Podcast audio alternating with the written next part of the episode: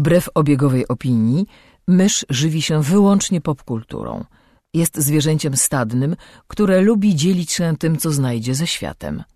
Jej naturalnym sposobem komunikacji jest przerywany śmiechem słowotok. Słuchacie podcastu Myszmasz.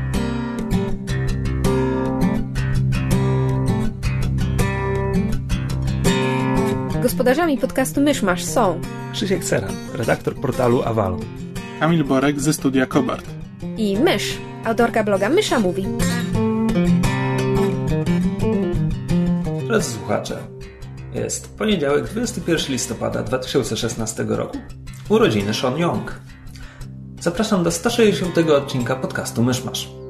Czy chcę pytać, kto to? Sean Young, e, aktorka, która grała na przykład w Blade Runnerze, Dune Lyncha i była bardzo zła na Tima Bartona, że nie obsadził jej jako Catwoman w, Batma- w powrocie Batmana, była tak bardzo zła, że ponoć pojawiła się na planie w kostiumie i z biczem i ganiała Bartona. Ale jakby... Okej. No i ile w tym prawdy, to nie wiem. Przeczytałem tak w internecie. Skoro przeczytałem tak w internecie, musi to być musi być prawda. prawda. Tak. E, witamy drogich słuchaczy. Od razu powinniśmy poinformować, że ten odcinek będzie nieco szczególny. To znaczy z uwagi na inne zajęcia e, Kamil nie będzie miał czasu go zmontować. Więc włączyliśmy dyktafon i wszystko idzie tak jak leci. Cieszę się, że ktoś mnie o tym Na poinformował. Facebooku Kamil to napisał miałeś. na Facebooku. A teraz Czytaj naszą przejdźmy... grupę. Ale A teraz przejdźmy do nowości, bo nie może być długich przerw w tym odcinku, bo Kamil ich nie wytnie. Tak jest. A zatem nowości. E, Potwierdziło się, że e, faktycznie to reżyser Johna Wicka wyreżyseruje drugiego Deadpoola. jej. Aczkolwiek nie pamiętam jak on się nazywa. David Leitch. Leitch. Nie wiem. David Lynch? Co? Leitch. Leitch, a dobrze. Tak, to ma trochę więcej sensu. E, Ponadto rośnie obsada następnego filmu z cyklu Gwiezdne Wojny Historie, bo do solowego filmu o Hanie Solo dołączyła e, jakiej tam? Daenerys Targaryen, matka smoków. Tak, pierwsza tego imienia. Emilia E, e, Clarke. Właśnie. Matka burzy. Nie, córka burzy. Nieważne, zrodzona z burzy. To było dawno temu, kiedy to czytałem. Coś z burzą robiła. Ja nie zadaję pytań, co ona z tą burzą robiła. Już przewraca oczami. Dobrze. Czy jakieś, jakieś jeszcze newsy? Szybko, szybko. myśl, myśl. Oh my god, the pressure of a name. I don't know. Cinda fucking Rella. No, to chyba, to, to chyba tyle z newsów. Okej. Ja bym chciał zacząć od e, kołcika komiksowego. My tutaj w Myszmaszu nieczęsto mówimy o komiksach na bieżąco, tych, co się te amerykańskich coś tam ukazują, no bo, bo ja mógłbym to robić co tydzień, tylko wtedy potrzebowałbym własnego podcastu. E, Kto ci broni? Natomiast jeśli dzieje się coś ciekawego, to warto o tym wspomnieć. Tak na przykład jakby kiedyś z twojej inicjatywy rozmawialiśmy o Visionie, który był jakby najlepszym komiksem Marvela ostatnich paru lat, a, a pewnie jednym z trzech najlepszych z ostatnich 15 lat. E, który zresztą e, skończył się parę tygodni temu. To jest 12 zeszytów, Tak, tak zamknięta już historia, już, już jest wszystko. Tak. Może w nadgonie wreszcie. Warto, warto, bo zakończenie daje radę. E, Natomiast ja chciałem wspomnieć o czymś, co Marvel zapowiedział ten tytuł już ładnych parę miesięcy temu, a teraz nie parę tygodni temu ukazał się pierwszy zeszyt serii Occupy Avengers. I ja od początku się z tego nabijałem, bo no bo jeśli Marvel próbuje się wstrzelić w jakiś ruch społeczny czy cokolwiek, no to są tak ze 4 lata za późno, żeby wydawać teraz coś po- pod szyldem Occupy.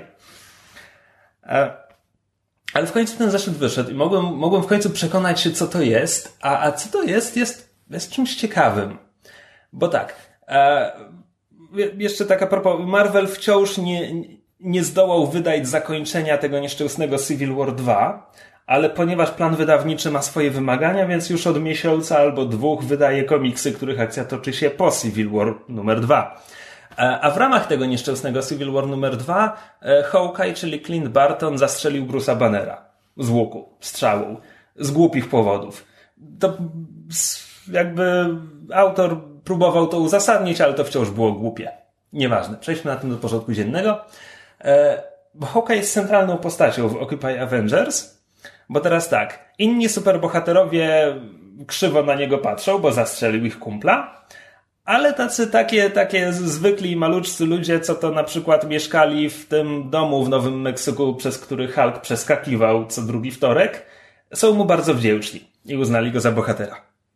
I, I seria zaczyna się w momencie, gdy, gdy Hawkeye po prostu chce się oddalić jak najbardziej od Nowego Jorku, jedzie przez Stany i trafia do miasteczka, w którym e, wszyscy piją butelkowaną wodę, bo od paru lat okazało się, że miejscowe źródło wody jest zatrute, bo ktoś tam składował nielegalnie odpady i to, i to doszło do skażenia i oni nie mogą pić tej wody. I to jest jakby te, znaczy to jest przerobiona na, na fabułę komiksową historia tego, co się dzieje we Flint w stanie Michigan. Gdzie... Michigan, przepraszam. Mi Michigan, co? Powiedziałeś Michigan. Nieważne. E... Rozumiem, że Hawkeye robi za Erin Brokowicz. Co? Erin Brokowicz? Co? Tam też była zatruta woda, wszyscy dostali raka. To, tak- to nie tak było? No dobra, ale jakby Flint jest czymś, co się dzieje teraz. A ja właśnie zmierzam do tego, bo ja nie chcę recenzować do tego komiksu, nie chcę recenzować tego komiksu, tylko chcę powiedzieć, że Marvel wydaje coś, co jakby oceniając po tym jednym zeszycie, cała idea jest, żeby wrzucać tam współczesne problemy amerykańskie. E, Hawkeye tam odwiedza, odwiedza rezerwat Indian i jakby pierwsza linijka, która pada, kiedy, kiedy znajduje się na terenie jest wszyscy tutaj żyją w biedzie. Everybody here lives below the poverty line. E, I teraz tak. Więc. E... Margel, Margel? Marvel angażuje się politycznie i społecznie. E, znaczy wiesz co, komiksy, komiksy e, zawsze się angażowały. Znaczy, tak, no, tak, Kapitan Ameryka był narzędziem propagandowym, bił Hitlera na swojej pierwszej okładce. E, zanim Stany przystąpiły do wojny, jeśli dobrze pamiętam. No to jakby to było ewidentnie nacechowane politycznie od samego początku. Natomiast bardzo od tego uciekli w ostatnich no, wielu latach tak naprawdę.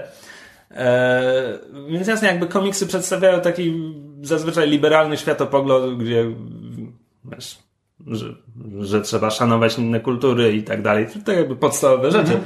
Natomiast tak, żeby, żeby się angażować, żeby wspominali o bieżących problemach i to zwłaszcza na, takich na, na małą skalę, no kwestia, kwestia wiesz, zatrutej wody we Flint.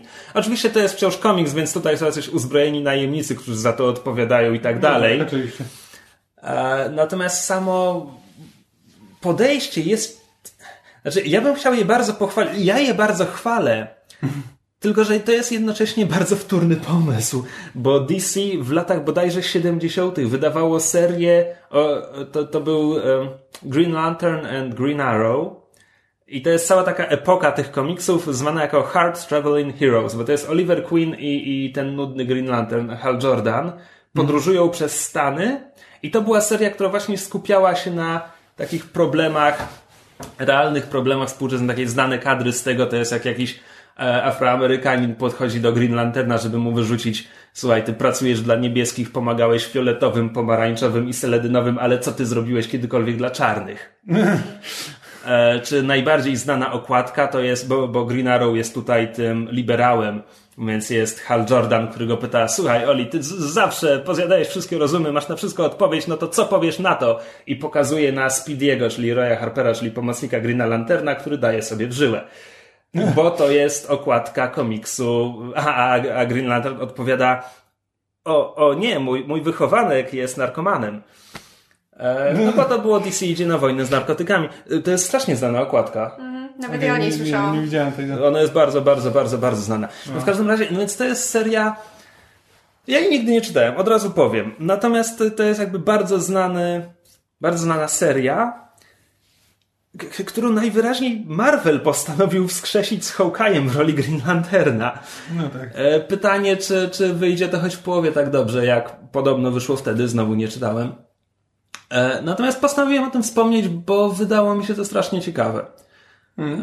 Jako taki komiks zaangażowany. Wciąż nabijam się z nazwy, bo ona naprawdę jest spóźniona tak. o wiele lat i już, nie wiem, wolałbym, żeby to było Hawkeye, Social Justice Warrior, albo Avengers of Social Justice, ale Occupy jest... Tak, no. Superhero Lives Matter, tak? Coś w tym guście? Może nie, może nie.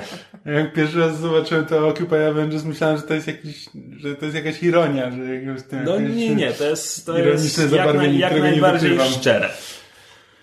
Dziwne, ale szczere. Dobrze. To kto ma jeszcze coś do powiedzenia? Mm, Bo ja nic nie oglądałem w tym tygodniu i mam Dishonored 2, w którym udało mi się przejść pierwszą misję, więc nawet jeszcze nie I jak? nie, nawet nie mam jeszcze żadnych mocy, więc nawet nie jestem w stanie nic A ja, powiedzieć. ja słyszałem, że w tę grę można w ogóle grać bez mocy, że jeśli wybierasz Emily, to masz szansę powiedzieć outsiderowi, żeby się wypchał i grasz bez mocy. A, to jeszcze, jeszcze nie spotkałem Outsidera. Znaczy wybrałem Emily, rzeczywiście, bo stwierdziłem, że a, korwo grałem w jedynce, to teraz zobaczę, co, zro- co zrobili z nową postacią. Potem może jak mi się spodoba, to wrócę do playthrough. A wiesz, E, wiesz że Corvo? Korwo, dubbinguje ten aktor, co dubbingował Gareta? Tak? Mhm. To sporo wyjaśnia. Ma taki typowo, e, typowo głos ala bohater gry komputerowej. Będę mówił cicho i głęboko i będę mówił szeptem. E, Cicho, głęboko i szeptem. No, mniej więcej. E, No, więc no, na razie, na razie zapowiada się, zapowiada się. Znaczy, świat jest jak zwykle strasznie fajny i jakby kierunek e, designu graficznego, no to wciąż jest to, co znamy Dishonored. Ja to strasznie lubię. Jakby to jest jeden z najciekawszych światów, jaki powstał w grach komputerowych w ostatnich latach, więc e, bardzo się cieszę, że możemy do niego wrócić, no ale Tylko czemu jest zamieszkany przez outsidera? No, ale to opinię jakąś wyrażę, jak już pogram trochę więcej. No z gier, które się dobrze zapowiadają, to ja gram w Tyranny i co prawda wbiłem w nie już kilkanaście godzin, po... Ale wciąż się dobrze zapowiada. Znaczy wiesz co, e, podobno Tyranny nie jest znowu aż tak długie, ale ja wciąż mam wrażenie, jestem w drugim akcie, ale nie wiem co to znaczy, nie wiem czy ta gra ma trzy akty, cztery, czy pierwszy Wiedźmin miał chyba 13. Nie, czekaj, myślę o The Longest Journey. E, nieważne. E, w każdym razie Tyranny jest e, nową, nowym RPG-iem studia Obsidian, tych, którzy ostatnio zrobili Pillars of Eternity. E, Tyranny opiera się na tym samym silniku, czyli znowu mamy coś, co wygląda jak, jak RPG z końca lat 90., początku 2000, ale z dużymi zmianami, jeśli chodzi o mechanikę. No jeśli, jeśli ktokolwiek, jeśli graliście w Pilari, to, to w Tyrannie odnajdziecie się bez problemu. Są pewne zmiany, jest na przykład wprowadzony bardzo fajny system e, tworzenia własnych czarów, znaczy własnych. Jest takie mieszanie elementów podanych przez twórców i, i ten, sprawdzanie, co, co z nich wyjdzie. E, Natomiast, natomiast mechanicznie bardzo to po- przypomina. Fabularnie to jest coś kompletnie innego, to jest inny świat, inna historia. E, W tej, to jest gra o tym, jak wielki mroczny władca podbił już niemal cały kontynent e, swojego świata i tam został ta, tylko jakiś malutki obszar, który wciąż się broni. E, No i Obsidian postanowili postawić na głowę typową fabułę, bo my tutaj e, nie bronimy tego obszaru, tylko jesteśmy wysoko postawionym oficerem w armii mroczne, mrocznego władcy i nadzorujemy właśnie, czy nadzorujemy, pomagamy zakończyć tę kampanię, zakończyć ten podbój. Czy masz jakby, no, bo grasz jakby po stronie tego złego, ale masz możliwość czynienia dobra, czy E, raczej właśnie... Znaczy, to jest właśnie bardzo fajne, bo ach, to jest wszystko szalenie, szalenie relatywne. E, czy masz możliwość czynienia dobra? Na małą skalę jesteś w stanie poprawić los pojedynczych osób. Ale jakby jesteś, jesteś oficerem mrocznego władcy, jesteś mu wierny, przynajmniej na razie, e, bierzesz udział w podboju. I to jest kwestia, wiesz, możesz próbować minimalizować liczbę ofiar, albo wprost przeciwnie, możesz stwierdzić, nie, nie bierzemy żadnych jeńców, bo jak uderzymy szybko, to, to oni się poddadzą i wtedy wojna się zakończy i, i w ten sposób zmniejszymy liczbę ofiar. Ale to jest gra, w której może grasz po stronie tych złych i możesz grać w pełni złego, czyli możesz, możesz tam za każdym razem zadawać jak najwięcej cierpienia i tak dalej, jeśli, jeśli e, tak ci się podoba. To co, to, co twórcom wyszło, to jest naprawdę dobre zróżnicowanie e, wszystkich postaci w tej fabule. To znaczy, to jest, to jest atakująca armia. Ale czy oni są źli? To znaczy, te, te, to, tak, ale ta, na takiej samej zasadzie jak wiesz, jeśli się cofniemy do historii Chin, no to pierwszy cesarz Qin Shi Huang e, podbił wszystkie królestwa, które dotąd ze sobą wojowały, zjednoczył kraj e, i przy okazji spalił e, 90% tekstów filozoficznych, które mu się nie podobały. No tak. Czy on był zły? mnóstwo osób zginęło, ale hej, kraj istnieje do dzisiaj i jest jakby potęgą globalną. No tak, wszystko kwestia Perspek- wyjścia odpowiednio daleko w Tak, przyszłość. tak, tak, tak, tak. No i, i to jest dość podobnie. Znaczy jasne, tutaj są ludzie, którzy są po prostu źli, po prostu chaotyczni, po prostu chcą zadawać cierpienie, ale są też zwykli żołnierze. I jakby jakoś się w tym wszystkim musisz odnaleźć i to jest fajne. To jest naprawdę fajne. Natomiast gra ma tak absurdalnie wysoki próg wejścia. To znaczy, uważaj, zasadniczo pierwsze, może nie dosłownie pierwsze linijki, które padają z ekranu, ale pierwsze informacje, które musisz przyjąć, to jest pierwszych 5 minut. Kairos podbija świat. Już tylko kraina Tiers mu się sprzeciwia. Wysłał tam dwie armie, szkarłatny chór głosów Asha, e, przepraszam, głosów, e, jak on się nazywa? Terat? Nie pamiętam. E, I, i e, od Legion Disfavored pod, e, pod e, dowództwem generała Graven Asha. Ty jesteś Fatebinderem, służysz Archonowi Tunonowi, który jest Archonem Sprawiedliwości. Jezu, A, a, Kyros, a Kyros wydał, bądź wydała, bo tak naprawdę nawet nie wiemy jakiej jest płci, ale chyba Kyros jest kobietą. E, Kyros wydała edykt, który głosi, że jeśli e, ta konkretna cytadela nie padnie w ciągu tygodnia, to wszyscy tutaj zginą. A wiemy, że edykty są groźne, bo kiedy dwa lata wcześniej wydała edykt ognia, który zresztą postać gracza odczytała, e, to biblioteka Valium spłonęła i jest zwana teraz płonącą biblioteką. W bibliotece był, był zakon mędrców zwanych sages, których filozofia jakby Wow. tak, tak, tak. Infodump. Tak, tak, tak, olbrzymi. Natomiast Obsydiany wpadły na bardzo sprytny pomysł i tekst e, jest, jest hipertekstem. I bardzo wiele tych słów, które właśnie wymieniłem, e, w tekście pojawia się odpowiednio zaznaczonych. Możesz na nie najechać, możesz je kliknąć prawym przyciskiem myszki, żeby odczytać sobie dodatkowe wyjaśnienie. I tak, to jest, to jest trochę tak, jakbyś czytał, e, powiedzmy, nawet, nawet nie zaczął czytać Władcy Pierścieni, tylko jakbyś dostał e, Silmarillion gdzieś tak w połowie. nie, nie, streszczenie Silmarillionu, które mieści się powiedzmy na 15 kartkach, ale do tego masz jakby trzy tomy przypisów, które tak. możesz sobie doczytywać, żeby zrozumieć o co chodzi. Właśnie e, chciałem powiedzieć, że właśnie, że strasznie mi się podobał ten pomysł, jakby jak o nim usłyszałem, że taki, że taki jest e, mechanizm w grze, że można sobie sprawdzać każde trudne słówko od razu w słowniczku, tylko że wydaje mi się, że twórcy to potraktowali jako po prostu wymówkę, żeby cię zasypać, e, zasypać informacjami od Znaczy, samego nie da, początku. nie da się ukryć, że oni cię zasypują. I teraz tak, ja gram w RPG, w przygodówki, gram dla fabuły. I ja się bardzo w to angażuję i nie wiem, no, w Mass Effectie jestem jednym z tych ludzi, którzy przeczytali cały kodeks, bo mnie świat zainteresował. I ja miałem problem, żeby się odnaleźć w tej grze na początku. Teraz już wszystko mam to w jednym palcu, więc jakby ten infodump i, i te, te hiperlinki, to wszystko działa. Jeśli chcesz to ogarnąć, jesteś w stanie.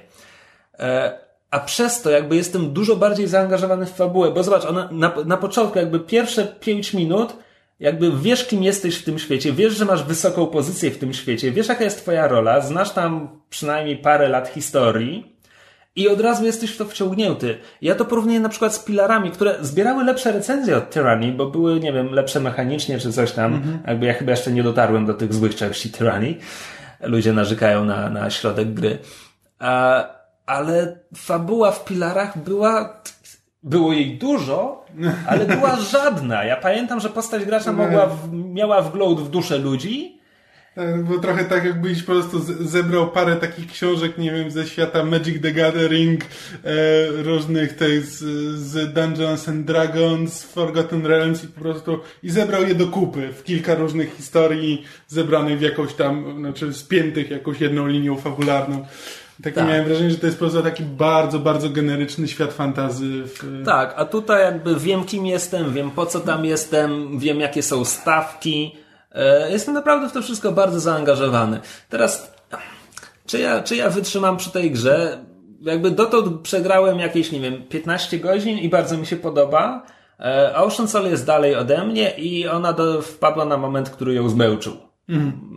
I jak, jak przeglądałem recenzję, tam Rock Paper Shotgun, PC Gamer, to faktycznie tam piszą, że w pewnym momencie jakby po prostu są obszary, gdzie jest tylko walka, jest to strasznie powtarzalna walka i tak dalej. No i no ja dotąd ich nie miałem. Znaczy jasne, miałem jakieś misje tylko bojowe, ale, ale zazwyczaj były takie, wiesz, że, że jak Zagryziesz zęby i w pół godziny to zrobisz. A nie A, miałem a prawie- jak ta walka w ogóle? Czy to jest w miarę ciekawe? Czy zarządzanie drużyną jest- męczące, czy nie? Znaczy, walka jest dokładnie tak jak w Pilarach. Masz aktywną pauzę, wydajesz rozkazy. E, Nie ma aż tyle, nie trzeba aż tak bardzo zwracać na nią uwagę jak w Pilarach, bo na przykład nie ma e, friendly fire przy rzucaniu czarów, bo w Pilarach jak rzucałeś kulę ognia, to jeśli członkowie twojej drużyny byli w zasięgu, też obrywali, a tu tego nie ma.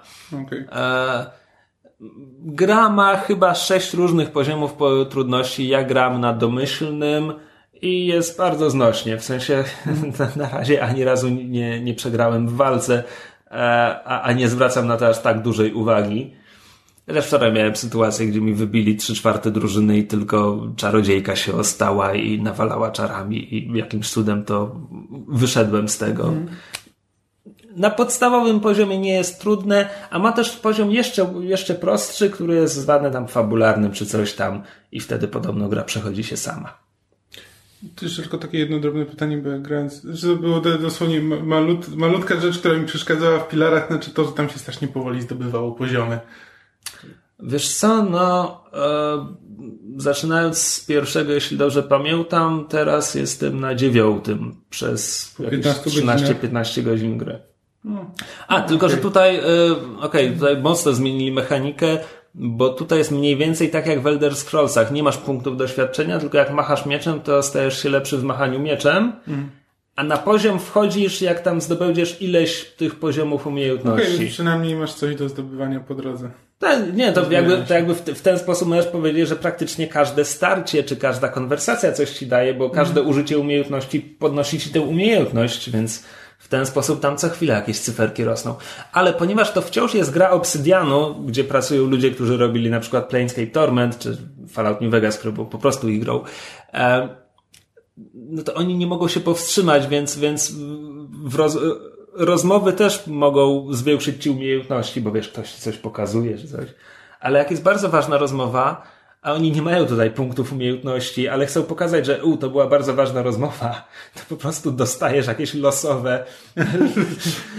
tak, tak. Teraz jesteś, lepszy w łowieniu ryb. Tak, tak. Jest, jesteś tak zszokowany tym, czego się dowiedziałeś od tej ważnej fabularnie postaci, że nagle potrafisz lepiej rzucać firebole, co przybliża cię do awansu na następny poziom. Jest to trochę absurdalne, ale, ale daje radę. Także polecam. Yy, warto. A jeśli rozegram kolejne 13 godzin, to powiem, jak jest dalej. No, Okej. Myszu? Widziałaś coś? Ja obejrzałam premierę szóstego sezonu Teen Wolfa. No, i jak to, jeszcze- się jeszcze trzyma? leci? Tak, to jest ostatni sezon. Dzięki Bogu. A, to kolejny z tych seriali. Tak. Powinnam przyznać to już. Teen Wolf i Supernatural, To tak? syndrom sztokholmski. Tak. Znaczy. Po- Postanowiłam, jak dowiedziałam się, że szósty sezon ma być ostatnim, to postanowiłam wytrwać do końca i, i sprawdzić, czy może e, twórcy postanowią ten, jak to się mówi, go out with a bang i czy postanowią coś nam fajnego e, zaserwować. Szydziłbym z ciebie bezlitośnie za tę postawę, ale przecież obejrzałem How I Met Your Mother do końca, więc... Tak. Nie masz już autorytetu. E, No i? Co byś nam chciała powiedzieć o tym serialu? E, znaczy jest nadzieja pod względem e, fabuły, ponieważ szósty sezon ma dotyczyć dzikiego gonu. The Wild Hunt, e, więc jak ktoś grał w Wiedźmina albo zna mitologię europejskie, tak, czytał Króla Olch, albo Sapkowskiego, a to, to będzie kojarzył i tutaj ten motyw jest wykorzystany, ponieważ Teen Wolf ma w nosie z jakiej mitologii korzysta i miesza wszystko zupełnie dowolnie. E, Nie przejmuj się się mną, ja muszę odebrać telefon. To będzie fantastyczny dalej. odcinek. E, I w tym świecie, znaczy jakby w świecie Teen Wolfa Dziki Gon polega na tym, że prawda, ludzie zostają zabrani i jakby zostają wymazani, w sensie ludzie o nich zapominają, znikają ze zdjęć, jakby przestają istnieć. Przecież to już widziałem. Tylko nie pamiętasz gdzie. A, przepraszam. E, I twórcy chyba zrobili rzecz inteligentną, to znaczy jakby ze względu na karierę filmową Dylana O'Briena, czyli jakby sidekicka naszego głównego bohatera, a o, tak naprawdę najfajniejszej postaci w całym serialu i najlepszego aktora. Przepraszam, mówisz karierę filmową, w czym ten człowiek gra, bo chyba w życiu o nim nie słyszałem. W, w, w Maze Runnerze on gra główną rolę. Aha. Między innymi. No to a... nawet, widziałem jeden z tych no, filmów, no, bo mieliśmy sobie. darmowe bilety. Wyobraź sobie. E, a teraz z kolei jeszcze ostatnio grał w e, tym jakąś rolę, tylko nie, nie widziałam filmu, więc nie wiem jaką rolę. Mówię, jeden z tych filmów, są tylko dwa te filmy, prawda? Jeszcze, znaczy na razie tak, ma być trzeci, ale właśnie... Pewnie zrobił serial. Um, właśnie podczas kręcenia tego trzeciego Dylan O'Brien miał wypadek i to znaczy na tyle poważny, że na wiele miesięcy wylądował w szpitalu. E, więc w związku z tym, że on ma swoją karierę filmową, a jeszcze nadal miał wypadek, twórcy musieli jakoś wpasować to w grafik kręcenia serialu. E, I w związku z tym podjęli moim zdaniem interesującą decyzję, to znaczy postanowili właśnie, że postacią, która zostanie wymazana i którą potem wszyscy będą sobie próbowali przypomnieć i jakby ją uratować, jest właśnie Styles. Co z jednej strony jest o tyle um, dla mnie optymistycznym um, kierunkiem, znaczy takim daje nadzieję, że może coś z tego fajnego wyjdzie, że w momencie, kiedy serial się skupia na Stylesie jako postaci, to dobrze, dobrze na tym wychodzi. To znaczy najlepszy sezon, jaki ten serial miał, to, by tak, to był sezon tak zwany 3B, gdzie jakby Styles był głównym bohaterem, wszystko się wokół niego obracało. No ale tutaj mamy trochę co innego, bo ten nawet nie tylko, znaczy Owszem, Styles jest głównym bohaterem, jakby osią, wokół której się obraca, ale tą osią nieobecną w pewnym sensie, no bo on jakby został wymazany, więc pytanie brzmi, na ile ten Styles się w ogóle będzie, będzie w serialu pojawiał, skoro go wymazano. Czy będziemy widzieli, jak on jest, nie wiem, przetrzymywany przez ten dziki gon, co się dzieje i tak dalej. Um, jeżeli tak to będzie wyglądało, no to jest, jest nadzieja, Dylan O'Brien jest naprawdę bardzo dobrym aktorem i, i obserwowanie go to jest sama przyjemność.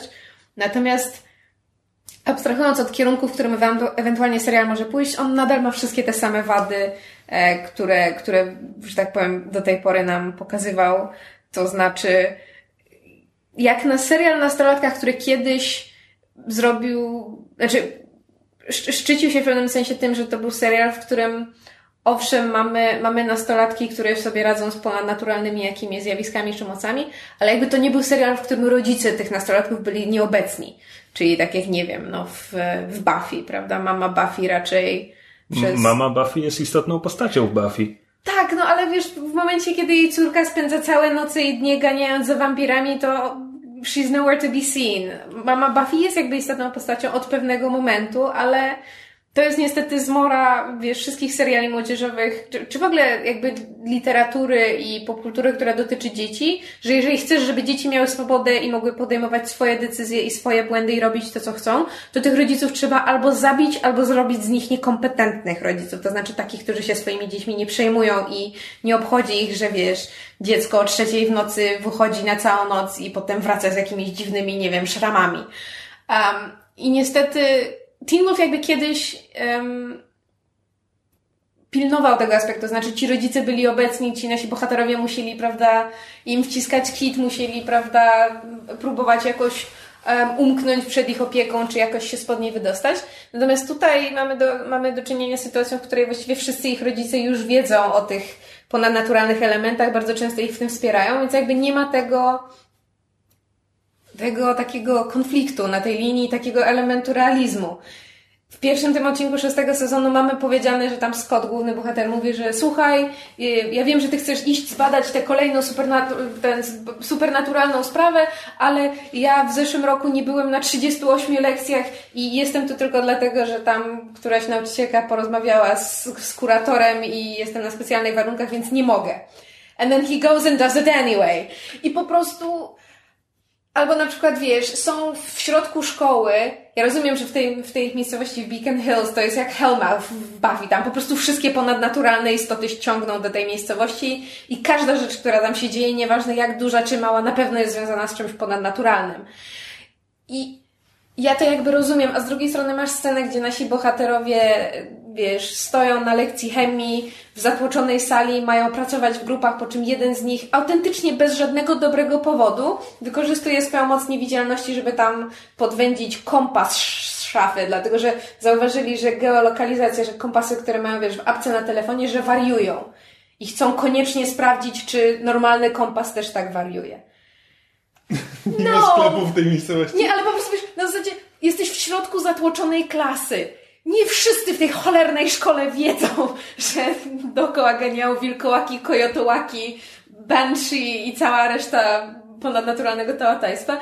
Nie robi się takich rzeczy. Znaczy po prostu ten serial się zrobił tak bezmyślny i tak ma w dupie nie tylko jakby zasady własnego świata, ale jakby zwykły realizm. A propos zwykłego realizmu, bo mówisz, że to jest szósty sezon. Czy, czy tam minęło 6 lat od początku?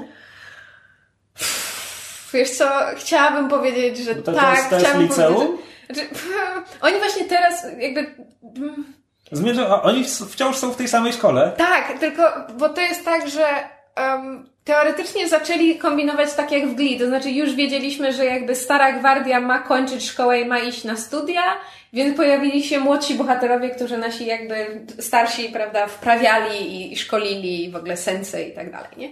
A, tylko, że gdzieś w międzyczasie twórcy chyba zapomnieli ile, wiesz, że, że czas się w ten sposób nie rozciąga, w związku z tym, mimo że w poprzednim sezonie mieliśmy już jakby jednym z głównych wątków takich jakby emocjonalnego rozwoju bohaterów było to, że, że e, prawda, że niedługo kończymy szkołę, że idziemy na studia, że się rozstaniemy, że i tak dalej, i tak dalej. Wszelkie związane z tym em, jakieś dylematy emocjonalne i tak dalej. Tylko, że w tym sezonie znowu to widzimy, dlatego, że jednym z takich elementów jest to, że, że jakby wszyscy chcą już, jakby ten szósty sezon zaczyna się od tego, że wszyscy już mają trochę dosyć tych ponadnaturalnych elementów i że chcieliby żyć normalnym życiem, a jedyny, który jakby, wiesz, każdą kolejną sprawę podejrzewa o bycie czymś nadnaturalnym, to jest Styles. A jak wiemy już z poprzedniego sezonu, że Styles jest tą osobą, która ma największe opory przed jakby porzuceniem tego wszystkiego i, i jakby bardzo się wciągnęła w to takie życie i, i wie, że ma w nim istotną rolę. On jest jakby takim głównym mózgiem grupy i, i jakby można zrozumieć, dlaczego on nie chce tego zostawiać, nie chce tego opuszczać. Tylko właśnie, no, no czas tak nie działa, oni już dawno powinni tę szkołę skończyć. A z drugiej strony, szczerze mówiąc, nie wiem, jakby wyglądał Teen Wolf w momencie, kiedy mielibyśmy naszych bohaterów jako, wiesz, college students, którzy tylko na jeden telefon przyjeżdżają z sąsiedniej miejscowości, gdzie jest uniwersytet pod tytułem Słuchajcie, mówiliście, że macie problem. Nie poszedłem na wykład, bo macie problem. No. Early 20s Wolf. Tak, no. Znaczy dobrze, że serial się skończy, po prostu już, już... Naprawdę od dłuższego czasu mam wrażenie, że twórcy mają mocno w nosie, co się dzieje i, i jakby ja też jako widz taki brak szacunku co do, co do widza um, źle odbieram. No, ale fabularnie może się coś z tego fajnego urodzić, może bohaterowie przejdą jakieś fajne przemiany, znaczy jakby z emocjonalnego punktu widzenia być może jeszcze coś tam będę przeżywała jako widz, natomiast tak z, bardziej obiektywnie pod względem całego serialu i jakiegoś takiego wkładu w popkulturę, to no. To jest, to jest serial CW? MTV. MTV. A, okej. Tak, i to robił Jeff Davis. Odpowiedzialny też za Criminal Minds chyba. W segmencie newsowym mi się zapomniało, więc myślałem, że skręł ze strony CW, ale nie mogę. E, ale ten, e, podali w końcu, kiedy iZombie wróci. A tak, 4 kwietnia bodajże. tak, rzeczywiście. I podali też, że legendy jutra prze, od nowego roku będą we wtorki, a nie tak jak teraz w czwartki. I jak się skończył, to Okej. właśnie iZombie je zastąpi. A nic, tak mi się tylko przypomniało. E, przeczytałem w końcu Dworzec Perdido, o którym chyba już dwa razy wspominałem, że go czytam dwa tygodnie i 16 lat temu w tym odcinku, tu, podcaście. E, Dworzec Perdido China Mievilla, który jest e, pierwszą częścią tak zwanej trylogii Baslag, tylko że ta trylogia jest kompletnie niepowiązana ze sobą, kolejne części. I ja ją czytałem dokładnie od końca, czyli najpierw Żelazną Radę, potem Bliznę i teraz wreszcie początek. I jest to również e, chyba druga powieść Mievilla. I daje się wyczuć, że, że mówimy o czymś wczesnym. I teraz tak, ja Baslag strasznie lubię, bo to jest fantazy. Po pierwsze, to jest fantazy zindustrializowane o, o społeczeństwie, które jest na poziomie wiktoriańskiego. Jest to, to, to główne miasto, którego zasadniczo cały cykl dotyczy, nawet pomimo tego, że w, w bliźnie w ogóle go nie widzimy, w sensie akcja ani razu się tam nie, nie, nie przenosi. To główne miasto Nowe Krobuzon jest taką mieszaniną, nie wiem, Londynu, Kairu e, i, i greckiego miasta państwa e, i jest potęgą imperialistyczną, które, które ma, ma i wywiera cały wpływ, no, wywiera wpływ na cały ten świat. A jednocześnie y, jego ustrój to są takie pozory demokracji. To tak naprawdę jest jakaś oligarchia, no ale jest tam parlament i e, jakieś teoretycznie partie i teoretycznie w miarę wolne wybory. E, I jest to świat, który jest dziwny. To znaczy, Miewil uciekł tak daleko od, od standardowego wiesz, kopiowania Tolkiena, jak, jak tylko można, bo to jest, to jest świat, w którym jasne mamy ludzi, ale mamy też e, humanoidalne kaktusy, które przy okazji są z sakami, a po drodze gdzieś składają jaja. Nie, nie, nie pytaj, nie, nie pytaj. Mhm. E, są khepri, czy, czyli kobiety z, z głowami skarabeuszy. Tylko to jest miewil, więc ja z zasady na wejściu nie mam pytań. Znaczy, to, tak, jak widzisz, jest, jest miewil i jest miewil, bo na przykład to, to jest tak, z całej twórczości Miewila akceptuje bez żadnych zastrzeżeń tylko bliznę i ambasadorię, które są fenomenalne, a każda inna jego książka to zazwyczaj jest, że okej, okay, podoba mi się, doceniam, ale mam zastrzeżenia takie, takie i owakie. I na przykład Miasto i Miasto, gdzie ten cały pomysł to jest ten, ten czarny kryminał w mieście, które istnieje w, tym sam, w tej samej przestrzeni co inne miasto i, i mieszkańcy jednego i drugiego udają, że się nie zauważają jakby, jakby to była, jakby to był, jakby przenieść całą tę fabułę do miasta, które ma bogatą i dziel, biedną dzielnicę, albo jakby jest miasto i jest jakieś getto czy dzielnica imigrantów, nic by się nie zmieniło. Mhm. I, to, I to jest jakieś takie jakby udziwnienie po to, żeby było dziwnie, które jak mhm. dla mnie fabularnie było kompletnie nieuzasadnione. E, natomiast Baslak to jest, to jest po prostu taka totalna kreacja innego świata, mhm. na tej zasadzie, że no wiesz, Śródziemie nie ma nic wspólnego z naszym światem, tylko wydaje nam się znajome, bo te elfiki i krasnoludy widzieliśmy potem w absurdalnej liczbie y, dzieł, które, które no naśladowały po prostu bezmyślnie często. Bardzo, bardzo, bardzo często bezmyślnie. Przecież krasnoludy w Dungeons and Dragons to, to nie jest kopia z Tolkiena, tylko to jest kon konkretnie kopia z Gimlego. To nie jest tak, że oni wzięli całą rasę krasnoludów z, no tak. z Tolkiena, tylko wzięli jednego krasnoluda i stwierdzili, oni wszyscy tacy są. E, nie, no, a Baslak jest dziwny, ale to jest jakby dziwność, w której ja się zanurzam i taplam i to jest inny świat i ja uwielbiam o nim czytać. E, nawet kiedy to jest nieprzyjemne, bo to jest świat, w którym e, złe rzeczy dzieją się dobrym ludziom i, i, i złym ludziom też. I tam tak po prostu dzieją się złe rzeczy. To nie jest dobre miejsce, nie, nie jedźmy tam. A, tylko, że tak jak ja kiedyś mówiłem, mówiłem to w podcaście?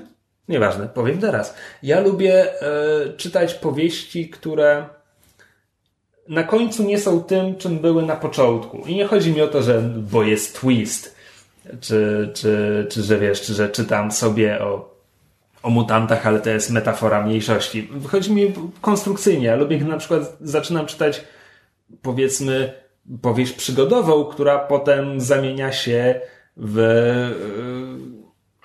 nie wiem, w thriller, czy, czy, czy coś bardziej e, o społeczeństwie. Akurat, akurat myślę bardzo konkretnie o bliźnie, która, e, która, która przez zaczyna się jako powieść o, okej, okay, ta kobieta ucieka z miasta, e, próbuje się odnaleźć w podróży, daleko od domu, a potem łapią ją piraci i, i, wtedy jest ten segment przygodowy, ale potem ona dociera do wielkiego pływającego miasta i tam jakby cała reszta jest o, o tym społeczeństwie tych uciekinierów i tak dalej.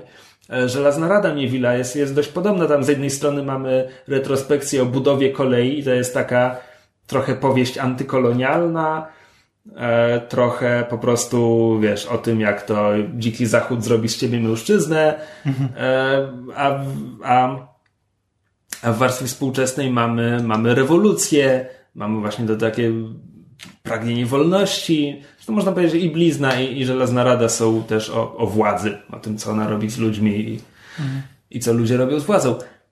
No i mój główny problem z dworcem Perdido jest taki, że kiedy on się zaczyna, poznajemy głównego bohatera Izaka Grimnebulina, który jest naukowcem, naukowcem renegatem.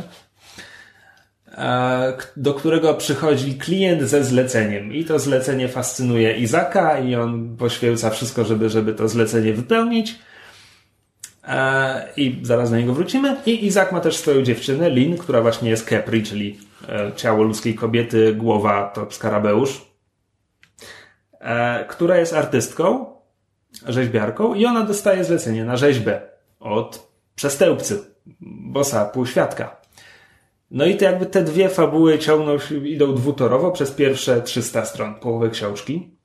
I ja się w to bardzo wkręciłem, bo to było jakby, to jest jakby konstrukcja świata, postaci, wprowadzanie te, tego, te, przez te 300 stron, jeśli mówimy o takich typowych wydarzeniach w powieści fantazy, to nie dzieje się wiele, nie ma, nie ma, wiesz, pościgów, walk i tak dalej.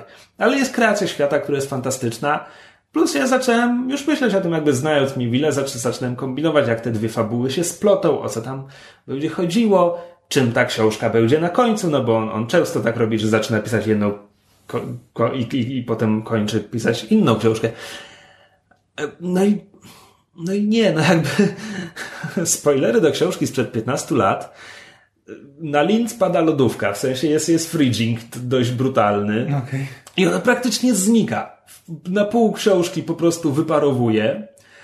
I książka faktycznie zmienia się w połowie, tylko, tylko z historii o, to, o tych renegatach i artystach, którym nie podoba się władza w tym mieście, którzy spiskują, którzy, którzy piszą dla, dla podziemnych gazet. W połowie książki to się zamienia w jest potwór w tym mieście, musimy zapolować na potwora, zanim potwór zapoluje na nas. Mhm. I, I fabuła się tak naspłyca. No tak. Próbowałem, próbowałem to nazwać ładnie, jakoś ubrać to, że no wiesz, no bo skupia się na jednym wątku, ale nie, no bo książka zapowiada, ujmę to tak, Dworzec Perdido, pierwsza połowa zapowiada ci, że to będzie książka na poziomie właśnie blizny czy żelaznej rady mm. pod względem konstrukcji, stopnia skomplikowania i tak dalej. A potem druga połowa to jest, no, no, no widać, że on dopiero co zadebiutował. No tak. I, i byłem tam dość boleśnie rozczarowany. I to chyba, to chyba wszystko, co powiem. Jakby Baslak w dalszym ciągu bardzo polecam. E, jeśli mielibyście przeczytać tylko jedną z tych trzech książek, to zdecydowanie Bliznę by jest najlepsza. E, aczkolwiek można też powiedzieć, że najbardziej optymistycznie się kończy. Może ja po prostu nie lubię tak, tak bardzo mm. przygnębiających książek. No, więc to wreszcie się rozprawiłem z Miewilem. E, jak zwykle zajęło mi to ponad miesiąc. To skoro mówimy o książkach, ja w, e, szybko przeczytałam książkę Tony and Susan Austina Wrighta przed dzisiejszym seansem Nocturnal Animals. Pojedziemy wspólnie z Ocean Soul do kina na nowy film Toma Forda, który nakręcił A Single Man, za który powinien był dostać Oscara i nie dostał, więc może dostanie za Nocturnal Animals. E, I bardzo chciałam sobie porównać materiał źródłowy do filmowej adaptacji, ponieważ bardzo wiele dobrego o niej słyszałam i byłam ciekawa, jak Ford to zaadaptował, bo napisał również scenariusz do filmu. A o książce słyszałam dość rozbieżne opinie. Z jednej strony fenomenalna, fantastyczna i w ogóle, a z drugiej strony pretensjonalny badziew. Skłaniam się ku tej drugiej opinii, że jest to pretensjonalny badziew. To nie jest najnowsza książka, ona przeszła dość trudną drogę, bo um, w, prze, prze, przestanę ją drukować nie, niedługo po tym, jak, jak, jak wyszła, potem z kolei przeszła um, ten, tchnięto w, no, nią nowe, nowe życie, kiedy została wydana w Wielkiej Brytanii i tam odniosła sukces jakby krytyczny i, i komercyjny i potem została wydana w Stanach. I jest to książka specyficzna, to znaczy to jest reklamuje się to w pewnym sensie jako thriller, czy jako tam krwawa his, historia o zemście, czy coś takiego, jest taka konkretna fraza, fraza której tam używają chyba A Story of Blood and Revenge, czy coś, czy coś takiego. Um, I rzeczywiście jest to e, w pewnym sensie historia o zemście. E, to jest książka o książce, to znaczy my jako czytelnik czytamy, że bohaterka Susan dostaje książkę swojego ex-męża Edwarda do przeczytania i razem z nią czytamy tę książkę. Czyli mamy historię szkatułkową, historia historii. E, I ma to taką strukturę, że czytamy jakby losy Susan i jej przemyślenia, Potem czytamy rozdział, czytam dwa rozdziały książki, jej przemyślenia na ten temat, kolejne rozdziały książki i jest podzielona na, na th three sittings, czyli jakby przez trzy wieczory ona zasiada do tej książki i ją czyta partiami. A sama ta książka w książce, czyli ta jakby, ta, ta książka jej ex-męża ma tam jakby cztery części. Tak jak taka symfonia się rozwija. E, I największy problem, jaki mam z tą książką oraz książką w książce, bo jakby no, to, że ten ex-mąż Edward jest autorem, nie zmienia faktu, że Austin Wright napisał wszystko, co tam jest, w związku z tym on odpowiada za styl, e, jest źle napisana. To znaczy. Ale książka czy książka w książce? Both. Obie. E, obie i to jest o tyle kłopotliwe, że wyraźnie nam się sugeruje, że ta książka, którą napisał ten Edward, czyli książka w książce, jest dobra, że jest dobrze napisana, że jest wciągająca i, i ciekawa. Nie. Znaczy dla mnie nie. Po pierwsze dlatego, że to jak jest skonstruowana e, historia w tej książce Edwarda jest ostatecznie bezcelowe moim zdaniem. Natomiast istotniejszy element, to jak Susan odbiera tę książkę i jakie przemyślenia w niej wywołuje, jest na tyle płytkie i jakby jest tego na tyle, tyle mniej w porównaniu do fabuły książki Edwarda, że jakby też nie ma głębszego celu. Nie poznajemy w ten sposób Susan zbyt dobrze. A wszystko komplikuje fakt, że język, jakim to jest napisane, jest chcę powiedzieć momentami wręcz niegramatyczny czy niepoprawny językowo bo są zdania, które są, zmieniają czas, jakby w trakcie zdania, zmieniać się czas. Masz z jednej strony przemyślenia bohatera, ale jest tak, jakby ktoś do niego mówił, albo on mówił do kogoś i nie wiesz, co z tego jest powiedziane na głos, a co jest tylko pomyślane.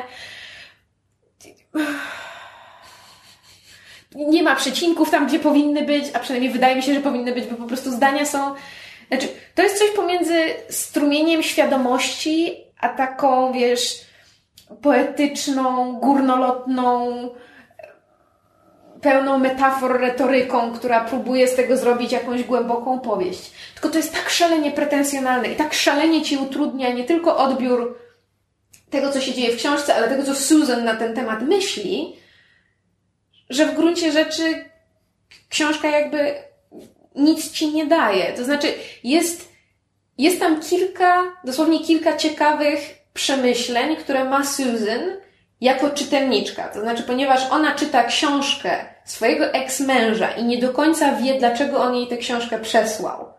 Bo jakby ich, ich relacja wcześniejsza była trudna, ona jakby nie, um, nie wspierała go w jego pisaniu, wątpiła w jego talent. No i on po latach jej przesyła swoją książkę na zasadzie Tell me what you think. Czy tam będę w mieście. Zygu, zygu, marcheweczka. Trochę. No właśnie to, to, to, jest jakby pytanie, które my i Susan sobie zadajemy. Dlaczego on jej to przesłał? Czy to jest właśnie jego forma zemsty?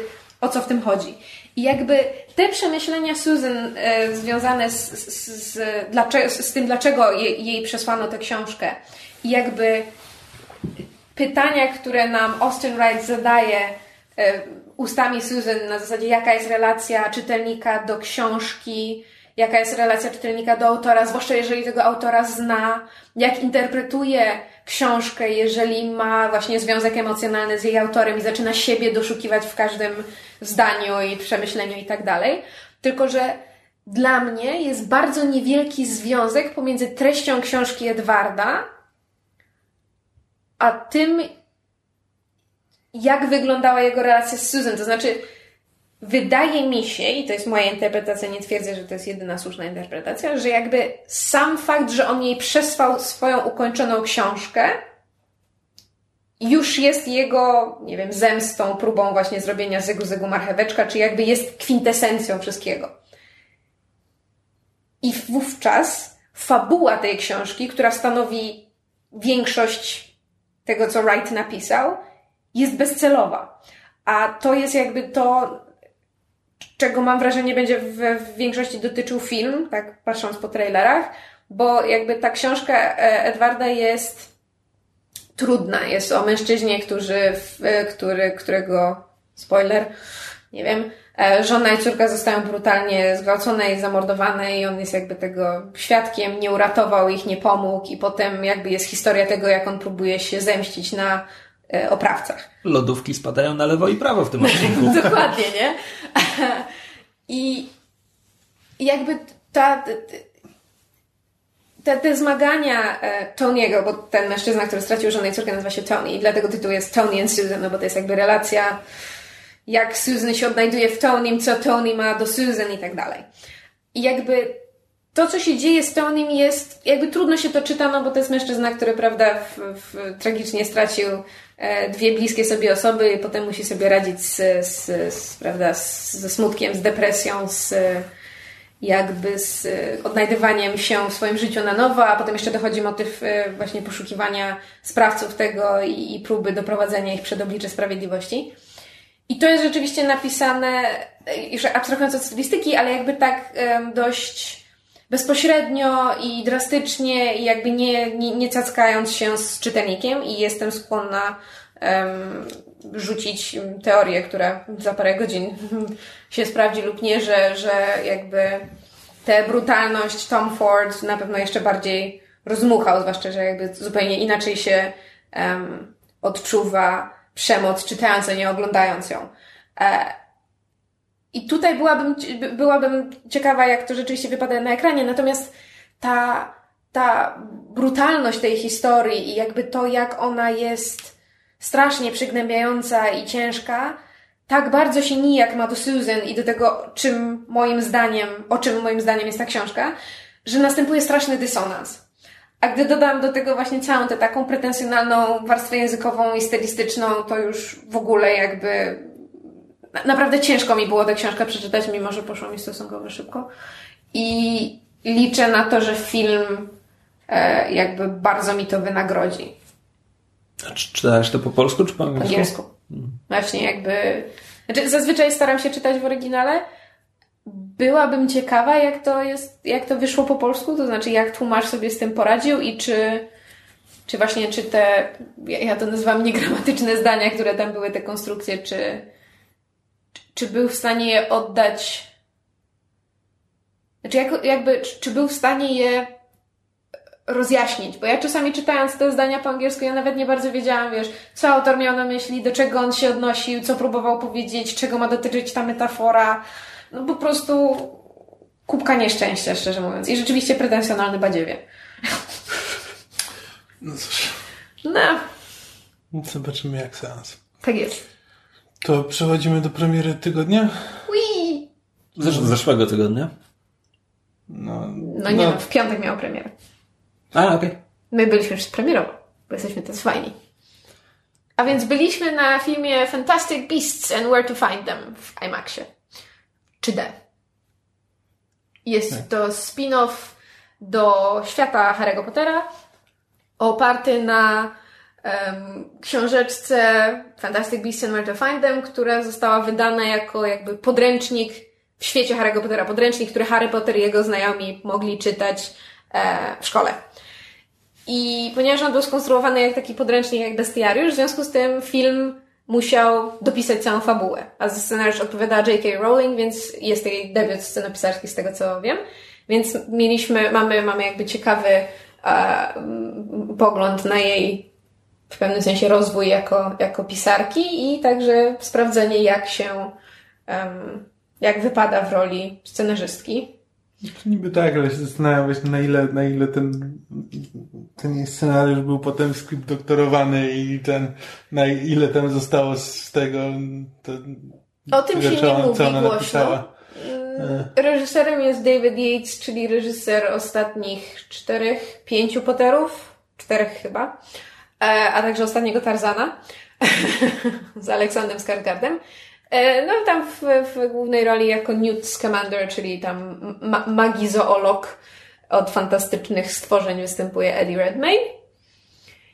I ym, do tej pory konsensus miałam wrażenie był raczej pozytywny, a potem Ika poszedł do kina i już teraz nie jestem taka pewna. Um, chcemy powiedzieć, o czym jest film, czy zakładamy, że wszyscy wiedzą? E, możemy w dwóch słowach powiedzieć. No więc e, Newt Scamander jest tym magicznym zoologiem, przyjeżdża do Ameryki z walizką pełną magicznych stworzeń, bo to jest walizka, co w środku jest większa niż na zewnątrz. E, w latach dwudziestych. W latach dwudziestych, tak, a to jest trudny okres w Ameryce, gdyż albowiem działania złego czarodzieja Grimnedebedege Grindelwalda. Właśnie e, doprowadziły do tego, że magowie się obawiają, że są o krok od tego, że zwykli ludzie się od nich dowiedzą, a jak się od nich dowiedzą, to na pewno zacznie się wojna między nimi. E, i dlatego podejmują pewne działania, takie jak na przykład e, zakaz handlu magicznymi zwierzętami, więc Newt się właśnie wpakował zasadniczo z walizką pełną kontrabandy do Nowego Jorku, przez co od razu wplątuje się w aferę. E, część zwierząt ucieka i trzeba je złapać, samego Newta też próbują złapać, bo mają go już nawet nie za przemytnika, tylko podejrzewało go o jeszcze gorsze rzeczy ze względu na zbieg okoliczności. E, a gdzieś po drodze biega jeszcze magiczny policjant Colin Farrell i, i e, no, chrześcijańscy fundamentaliści. To jest dziwna fabuła. Tak, znaczy jakby... Łowcy czarownicy zasadniczo, tylko że tacy bardziej social, social warrior łowcy czarownic, bo oni tylko stoją na ulicy i nawołują do tego, że tak, należałoby łowić czarownice, ale sami się tym nie zajmują. tak. E, no jest to, jest to jakby niezwiązane ze światem Harry'ego Pottera no, o, o tyle jakby, że właśnie dzieje się w latach dwudziestych, czyli na kilkadziesiąt lat przed wydarzeniami, e, które, które znamy. E, dzieje się też na innym kontynencie, natomiast właśnie osoba Grindelwalda to jest jakby postać z kanonu Harry'ego Pottera, to jest y, właśnie, y, jak to nazwała Megu, że to jest Voldemort 0.5, tak?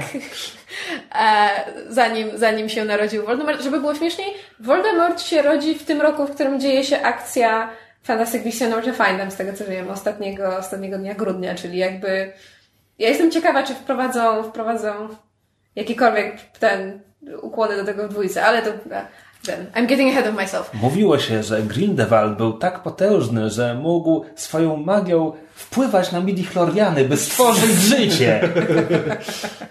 tak, dokładnie. Um, no.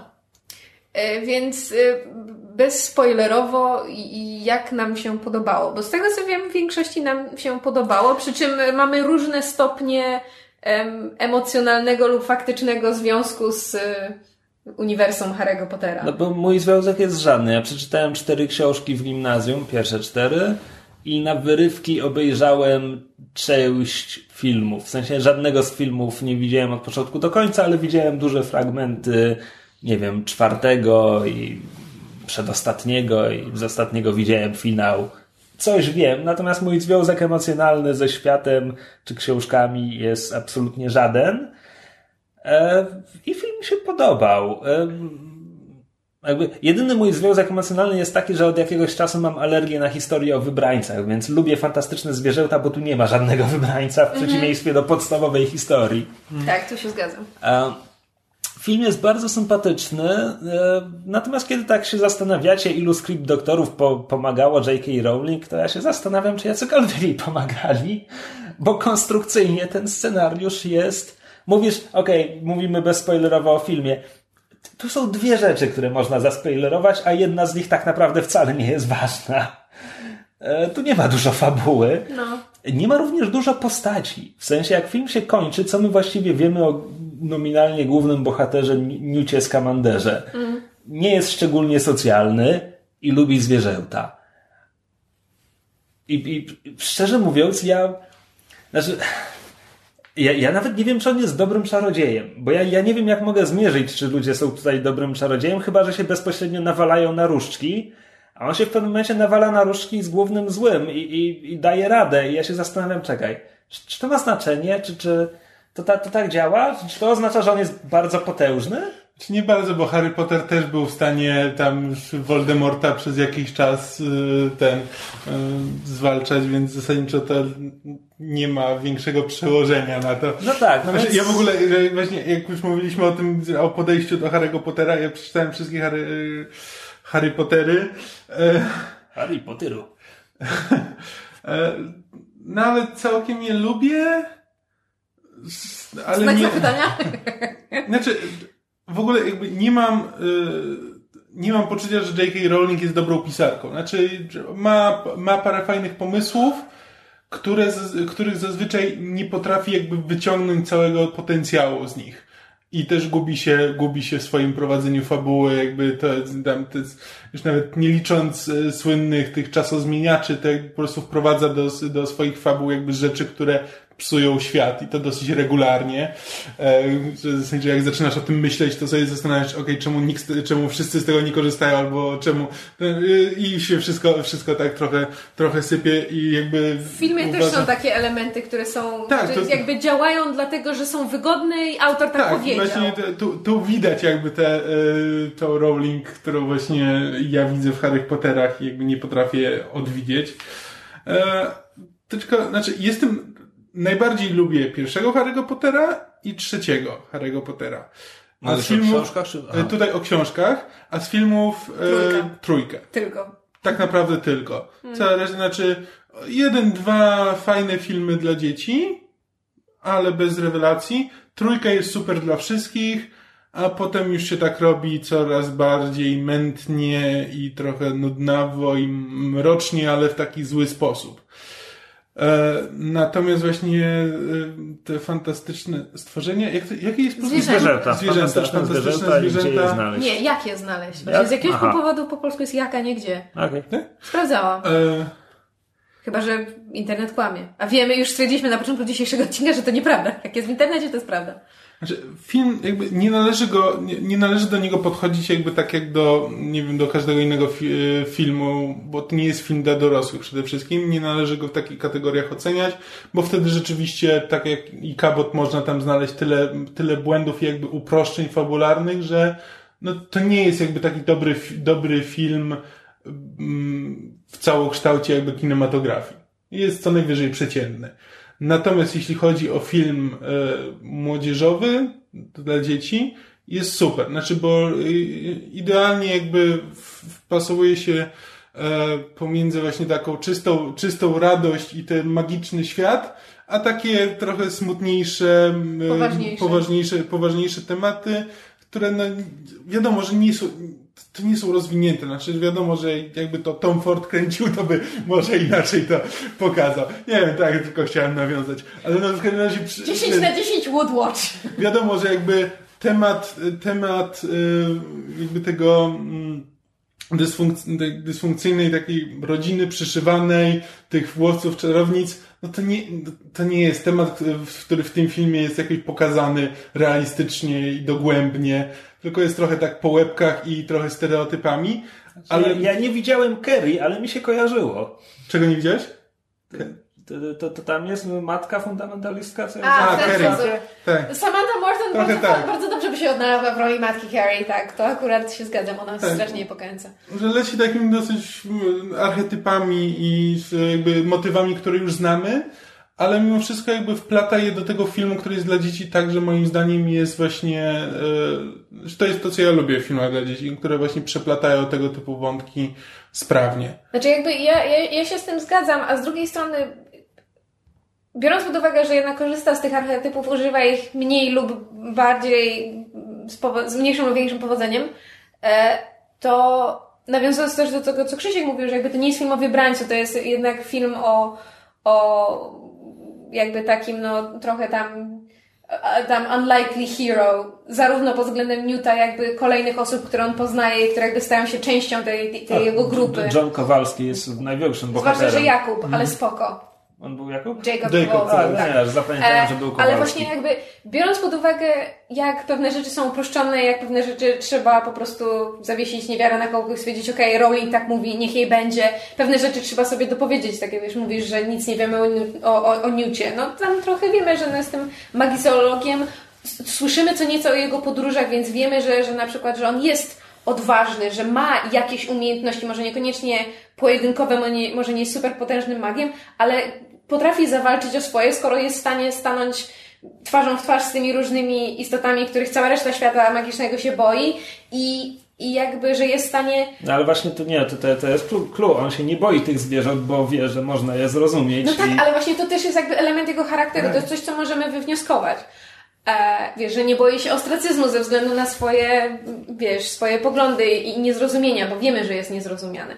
Um, I jakby podoba mi się, że biorąc to wszystko pod uwagę, mimo to, tak jak Kamil mówi w tym filmie, są jakby... Znaczy, ja tam, ja tam znajdowałam takie właśnie wątki i takie emocjonalnie e, ważne sceny czy momenty, które sprawiły, że jakby film dla mnie znaczy film zyskał w moich oczach, tak jak wspomniałeś, właśnie ten wątek tego Jacoba Kowalskiego jest absolutnie fantastyczny i to jest najlepsza rzecz w tym filmie.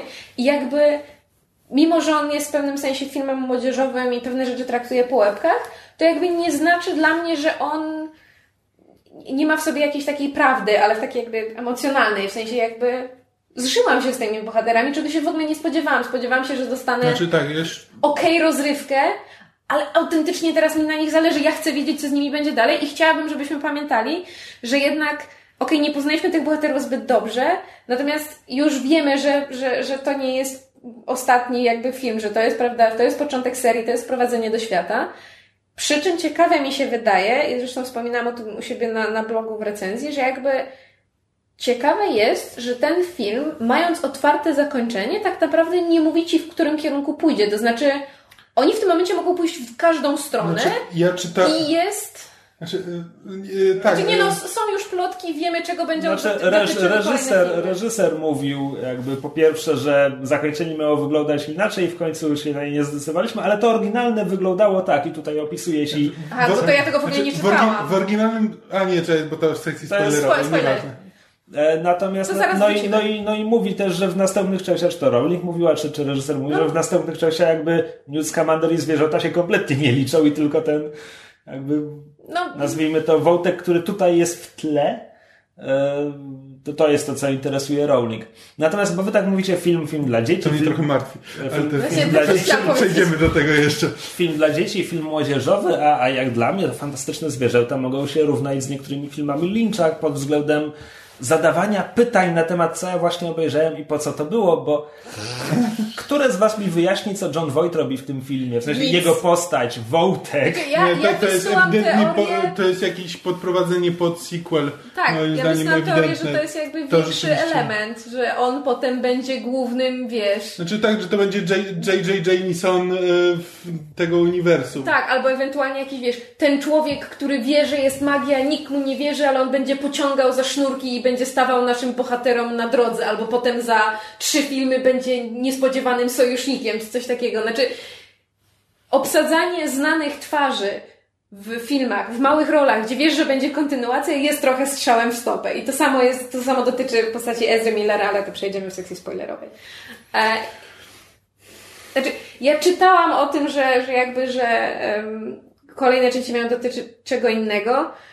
I tak jak Kamil wspomniał, mnie też to martwi, bo mimo wszystko zżyłam się z tymi konkretnymi bohaterami i chętnie bym zobaczyła ich dalsze perypetie, zwłaszcza, że materiału jest ohoho, to znaczy jakby właśnie pójście moim zdaniem w stronę em, serii spin-offowej takiej trochę ala, nie wiem, Indiana Jones czy The Librarian, gdzie mamy jakby kino rozrywkowe, czy kino, kino magicznej przygody z elementami społecznego komentarza i gdzieś tam toczy się jakaś wielka wojna, byłoby lepsze niż teraz znowu rozpatrywanie tematu wielkiej wojny, tym razem nie między tam frakcjami czarodziejów, tylko tam między ludźmi a czarodziejami, albo wszystko razem poplątane. Bo myśmy to już raz widzieli, Rowling już raz nam tę historię opowiedziała i to jakby oglądanie tego samego tylko 40 lat wcześniej, czy tam ileś. Mhm. Znaczy, fajnie by, będzie. Już teraz mogę chyba powiedzieć, że fajnie będzie zagłębiać się bardziej w ten świat i w te elementy świata, które wcześniej były tylko zarysowane jako fakty historyczne, czyli na przykład właśnie rewolucja e, Grindelwalda i jego, prawda, e, ten rise to power. Bo jakby ja lubię świat, który Rowling tworzy i nawet jeżeli czasami jest niekonsekwentna w, w jego elementach, to jakby jej wyobraźnia i to, ile właśnie, jak bardzo nawet poboczne postacie mogą odegrać istotną rolę, dlatego też podejrzewam, że John Voight jeszcze nam wróci. E, to, to jakby nie mam nic przeciwko rozszerzaniu ram tego świata i, i dlatego starałam się podejść też do tych fantastyk, e, fantastycznych zwierząt z jakimś takim otwartością, mimo że myślałam, że to jest skok na kasę. to jednak wydaje mi się, że pójście w stronę właśnie takiego kina magicznej przygody byłoby mądrzejsze. Z drugiej strony, biorąc pod uwagę, jak mi się te, te fantastyczne zwierzęta podobały i że widzę w tym widzę w tym jednak trochę serca i jakiejś takiej sympatii dla bohaterów i, i uważam, że nie jest to tylko i wyłącznie czysty skok na kasę, to jestem w sumie dość dobrej myśli. No, tak. Tak ktoś jeszcze ma coś do dodania? Ja byłem już pozytywnie zaskoczony tym, że e, aktorka grająca, nazwijmy to ekranową partnerkę Newta, nie do końca, bo to jeden z tych wątków, e, jest dwa lata starsza od Ediego Redmayna. No, nawet nie wiedziałam. Prawda? Nice. W ogóle aktorsko fajnie, fajnie wypadło. Znaczy, Eddie Redmayne, znaczy... I szczególnie, że to nie są znane twarze jakby w tych... Co? Znaczy, jedyne tak naprawdę nieznane dla mnie twarze to były właśnie dwie te, te siostry. No, o, o nich mówię. Ale się okazuje, a potem się okazało, Znaczy, że ja obie znam, a tylko że... Jacob, Jacob jakby kojarzy aktora, David, ale... David Fogler. On grał w Fanboysach. Tak, Mhm. Między Nie- innymi. Oglądałem tak dawno, że nie pamiętam. Mm, No ale to, to nie są jakby, wiesz, wielkie, wielkie nazwiska, ale strasznie fajnie wypadły, jakby... Dan Fogler chyba jest najbardziej znany z tego, że dubbinguje jakąś postać w Kung Fu Pandzie. A, To widzisz. mi, to mi IMDb powiedziało. Okej. Próbuję sobie przypomnieć jaką, ale nie przychodzi mi to do głowy. Coś No, na. Z chyba. Aha. Um, Zazu, nie. nie ten film. Znaczy, aktorsko, aktorsko jest bardzo fajnie i jakby... Ja miałem dużą satysfakcję z obserwowania e, nagrodzonego Oscarem Ediego Redmayna wykonującego taniec godowy magicznego nosorożca. tak. Ale w, w ogóle mam w tym filmie, mam wrażenie, że Eddie Red, Eddie Redmayne się nie cacka. E, czy on gra, e, daje, daje z siebie wszystko i nie obchodzi go, czy to wygląda dziwnie, głupio, czy, e, czy, czy nie. On po o tyle- prostu kompletnie się nie boi. Znaczy, Co jest o tyle co jest śmieszne- bardzo fajne w aktorze. Znaczy to, że jest odważny i jakby nie... To jest super. Co jest o tyle śmieszne, że jak potem mu pokazują te głupie rzeczy, które robił, to on się tak strasznie czerwieni, jest mu tak strasznie wstyd. Znaczy, biedny, biedny rudy Eddie Redmayne, który nie jest w stanie przeżyć jakiejkolwiek emocji, żeby nie zrobić się po prostu szkarłatny na twarzy. E, I ja jakby, ja, ja rozumiem, że ta jego taka maniera troszeczkę właśnie takiego nieśmiałego, wycofanego, właśnie patrzącego cały czas pod stopy i takiego trochę mrukliwego może niektórych denerwować, natomiast ja bardzo lubię, jak Redmayne to gra. Uważam, że jest właśnie fantastyczny w takim trochę za, zafrasowanym, lekko neurotycznym ja stylu jakby. Znaczy, ja nie widziałem, e, jak to się tam nazywało, teoria wszystkiego. Ja też nie. E, z, widziałem z Redmaynem e, chyba tylko Jupitera Improwizację, To fantastyczny przykład jego zdolności aktorskiej. więc jakby, znaczy ja potem dopiero po filmie czytałem, że o, Eddie Redmayne znowu robi to samo, co zawsze robi, co jakby w ogóle nie znałem, a w, e, więc nie miałem takiego, takiego podejścia. Jak to a przecież to, to tutaj nie szeptał cały czas po to, żeby wykrzykiwać co czwarte zdanie. No właśnie o to chodzi, że ja miałem zupełnie inny, e, inny, inne porównanie. Miałem tą, właśnie- tą bombastyczną postać z intronizacji. E, I jakby i strasznie mi się podobało to, co zrobił ze, ze Skamanderem. I czy to jest, czy to jest po prostu taka jego maniera, czy nie, to już te, tego nie wiem, ale to strasznie pasuje do tej postaci i, to, i sprawia, że jest właśnie taka dosyć sympatyczna i jakby z jednej strony jest e, trochę, trochę taka odrzucająca, że nie bardzo wiesz, jak ją traktować, bo może nie odrzucająca, może to nie jest dobre słowo, ale jakby niewiele o niej wiemy, nie wiemy jaka to jest, jaki to jest, czy on jest, e, bo on ma takie przejawy lekkiej socjopatii, czy coś, że jest taką, taką postacią ala, nie wiem, House i tak dalej, że nie, obchodzi go za bardzo, że on ma swój cel jakby nie patrzy na ludzi obok, ale też z drugiej strony jakby e, dba o nich i, i ich pilnuje i taka, i, i, ale też nie wie jak się z nimi dogadać i to jest całkiem fajna kreacja. No. Być może, że to jest gra na autopilocie dla Ediego Redmayna, ale mi się bardzo podobała. Czy to jest Dan Fogler, czy Dave?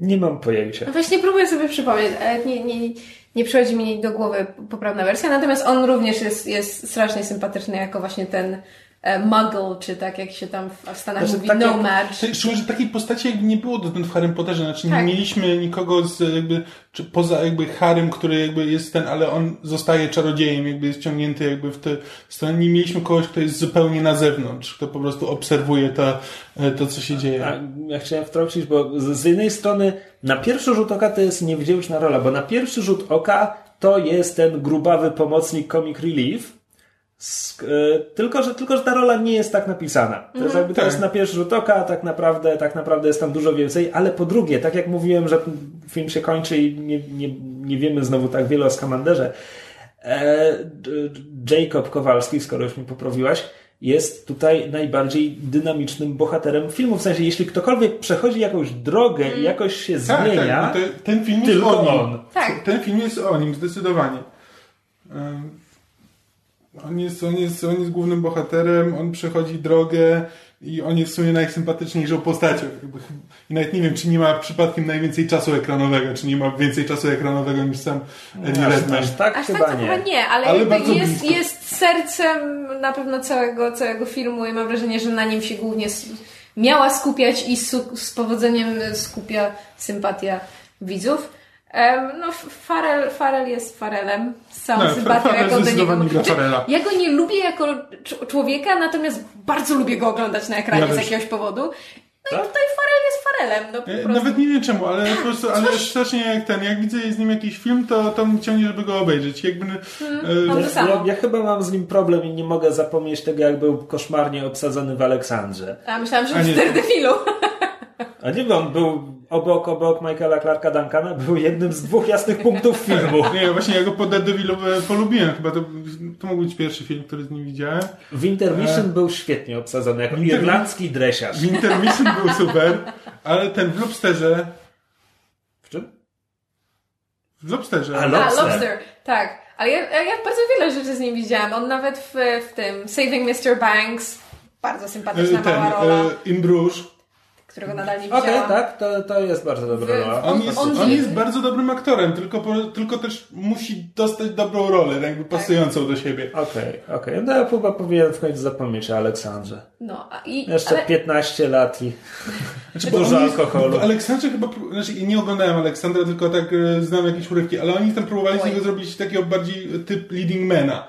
A on jest mimo wszystko trochę bardziej charakter znaczy, tam aktorem. jest tak jest wiele jakby, pomyłek. Ja nie, ja nie wiem, co Stone próbował zrobić w Aleksandrze, ale mu tam nic nie wyszło. Tak. on jest właśnie fajny w takich bardziej e, charakter, ak- e, e, jako charakter actor, e, w, nie, nie w wielkich hollywoodzkich produkcjach w głównych rolach, aka nie ten, nie raport mniejszości, tylko Total Recall. A w raporcie mniejszości swoją drogą też Też był. A, no tak, ale tam był właśnie jako, tam był obok. Tam f, f, fajnie wypadał jako ten dubkowaty agent, no bo tak Szczerze, jest. szczerze mówiąc, ja właśnie miałem tę postać przed oczami, kiedy go widziałem tutaj na ekranie. No, trochę tak. E, ale to, znaczy w ogóle mam wrażenie, że jeśli chodzi o, o casting, to jest fajnie zrobiony, bo abstrahując od Wojta, który tam ma małą rolę i w sumie nie wiadomo po co jest, to Samantha Morton jako ta nawiedzona właśnie em, fanatyczka, fan, świetnie obsadzona. E, te właśnie dwie aktorki grające te siostry, dla mnie właściwie nieznane, co sprawiło, że jakby automatycznie je identyfikowałam, znaczy jakby widziałam je jako te postacie, a nie jako aktorki. Redmayne, który jest po prostu Scamanderem, Fogler, który fantastycznie się odnalazł w tej roli, jest sercem filmu, Farrell, który jest Farrellem i sprawdza się bardzo dobrze. I Ezra Miller, którego kocham miłością ogromną i który też się fantastycznie moim zdaniem odnalazł w swojej roli. I jakby on, on ma talent do grania takich cicho niepokojących postaci, co jest o tyle ciekawe, że on sam jakby je- jest, jest dość taki em, chcę powiedzieć flamboyant. I, i takie role też grał, jak ktoś widział film Charlie, czyli Perks of Being a Wallflower, to jakby wie, że Ezra Miller ma, ma szerszy wachlarz umiejętności, jak ktoś widział trailer do, do, do Justice League, to tam też jakby pokazuje troszeczkę inny aspekt swojej um, aktorskiej nie wiem, osobowości, Ja jak tak tego nie sympatią do niego zapałem, jak zobaczyłem ten filmik, w którym on tłumaczy, że on nie może podpisać komiksu Marvela i jest mu tak strasznie przykro, ale on nie może tego wziąć, naprawdę chciałby, ale nie może, to jest Marvel, on jest DC, nie może tego podpisać. Ale co, naprawdę nie może? Nie mam pojęcia. Dziwny kontrakt. Natomiast jeśli o obsadę chodzi, to już tak wybiegając myślą w przyszłość, nie, nie, niepokoi mnie informacja, że, że Johnny Depp będzie w następnej części jako ten tam Green Debege. Grindelwald. Właśnie on. To, to mam, znaczy, liczę na to, mam taką teorię, która mam nadzieję, że się spełni, jest oparta na niczym, ale to nie wiem, może już w sekcji spoilerowej. Widzisz, bo ja, bo ja mam taką teorię, że Johnny Depp podejrzewa, że następni piraci będą e, kompletną porażką finansową i dlatego teraz przeskakuje na następny pociąg ze złotem. Bardzo możliwe. Znaczy, tak, Johnny Depp ma wszystko już gdzieś. Kompletnie. Biorąc pod uwagę, że nadal występuje w filmach Kevina Smitha. Tak, Johnny Depp ma już wszystko w nosie i ma prawo mieć wszystko w nosie. Johnny Depp występuje w filmach Kevina Smitha? On był zarówno w em, absolutnie zjechanym e, e, Tusk, jak i również teraz absolutnie zjechanym Yoga Hosers. On tam A, gra okej, jedno dobra. tam... M- Mówisz o współczesnych filmach Kevina Smitha, Tak. których nikt nie ogląda już. Bo ich córki się przyjaźnią, w związku z tym Depp zaczął Nie, grać w jego filmach. ale A tak, John- Yoga Hosers, widziałem zwiastun, jak to źle wyglądało. Tak. W ogóle kariera Johnny'ego Deppa teraz tak wygląda, że albo gra jedną i tę samą rolę w hollywoodzkich blockbusterach, albo, Albo gra, jedną i tę samą al- rolę u Tima Burtona. Tak, al, albo, albo gra To właśnie, jest wciąż ta sama rola. albo gra jakąś inną rolę, ale w filmach niezależnych i tak złych, że ich nikt nie ogląda. Wiesz, te No, wszystkie tam... Depp ma wyjebane. Tak. Wolno mu. Tak, ale czy w takim razie przechodzimy do sekcji spoilerowej? Myślę, że już A, czas. znaczy ja jeszcze tylko dwa słowa chciałam powiedzieć, że muzyka jest fantastyczna i bardzo mi się podoba to, co, co, Tak. co James Newton Howard zrobił. To znaczy jest kilka momentów, gdzie motywy z Harry'ego Pottera te znane i lubiane są wplecione, natomiast poza tym ścieżka ma bardzo wiele innych wpływów. Tak, i bardzo, i bardzo kojarzy się z Nowym Jorkiem, jakby takie... Tak, z- i z Nowym Jorkiem, ale i z magią i właśnie z takim, ja to nazywam takie, takim wonderment, to znaczy jakby mam wrażenie, że ścieżka dźwiękowa bardzo dobrze pasuje do, do, do konkretnych scen fabuły i właśnie i wywołuje to takie uczucie oczarowania, które czuje Kowalski, kiedy jakby zostaje wplątany ten świat i mamy tam też motywy muzyczne, które jakby się odnoszą do tego narastającego konfliktu między światem ludzi a czarodziejów. Od wczoraj słucham tej ścieżki dźwiękowej, naprawdę jestem, jestem zachwycona i, i bardzo mi się podoba jakby wkład w, w świat. Nie, jeszcze tak słowem podsumowania, no to jakby ja, ja Harry Potter, Harry Pottery oglądałem i czytałem, to jakby, że okej, ale mm, historia o szkole czarodziejów jest zupełnie nie dla mnie. Znaczy mało, mało mnie to rusza. Natomiast tutaj już jakby e, mamy do czynienia bardziej z takim urban fantasy, że mamy historię o mieście, w którym są czarodzieje i którzy się próbują ukrywać. I mamy, i mamy te, mamy to miasto ludzi, którzy nie wiedzą, e, co się dzieje i całą magię obok. I to jest, to jest znacznie bardziej w moim klimacie i to jest to, co jakby mnie znacznie bardziej przekonuje do, do tego filmu niż, e, niż wszystkie poprzednie jakby te, e, książki i filmy o Harrym Potterze. I efekty były fajne. To tak jeszcze nie spoilerowo. Spoko. Nie? Znaczy te, te stworki są takie bardzo komputerowe, jakby te, te, te, znaczy te, one mają twórcy nie próbują udawać, że one naprawdę istnieją w tym świecie.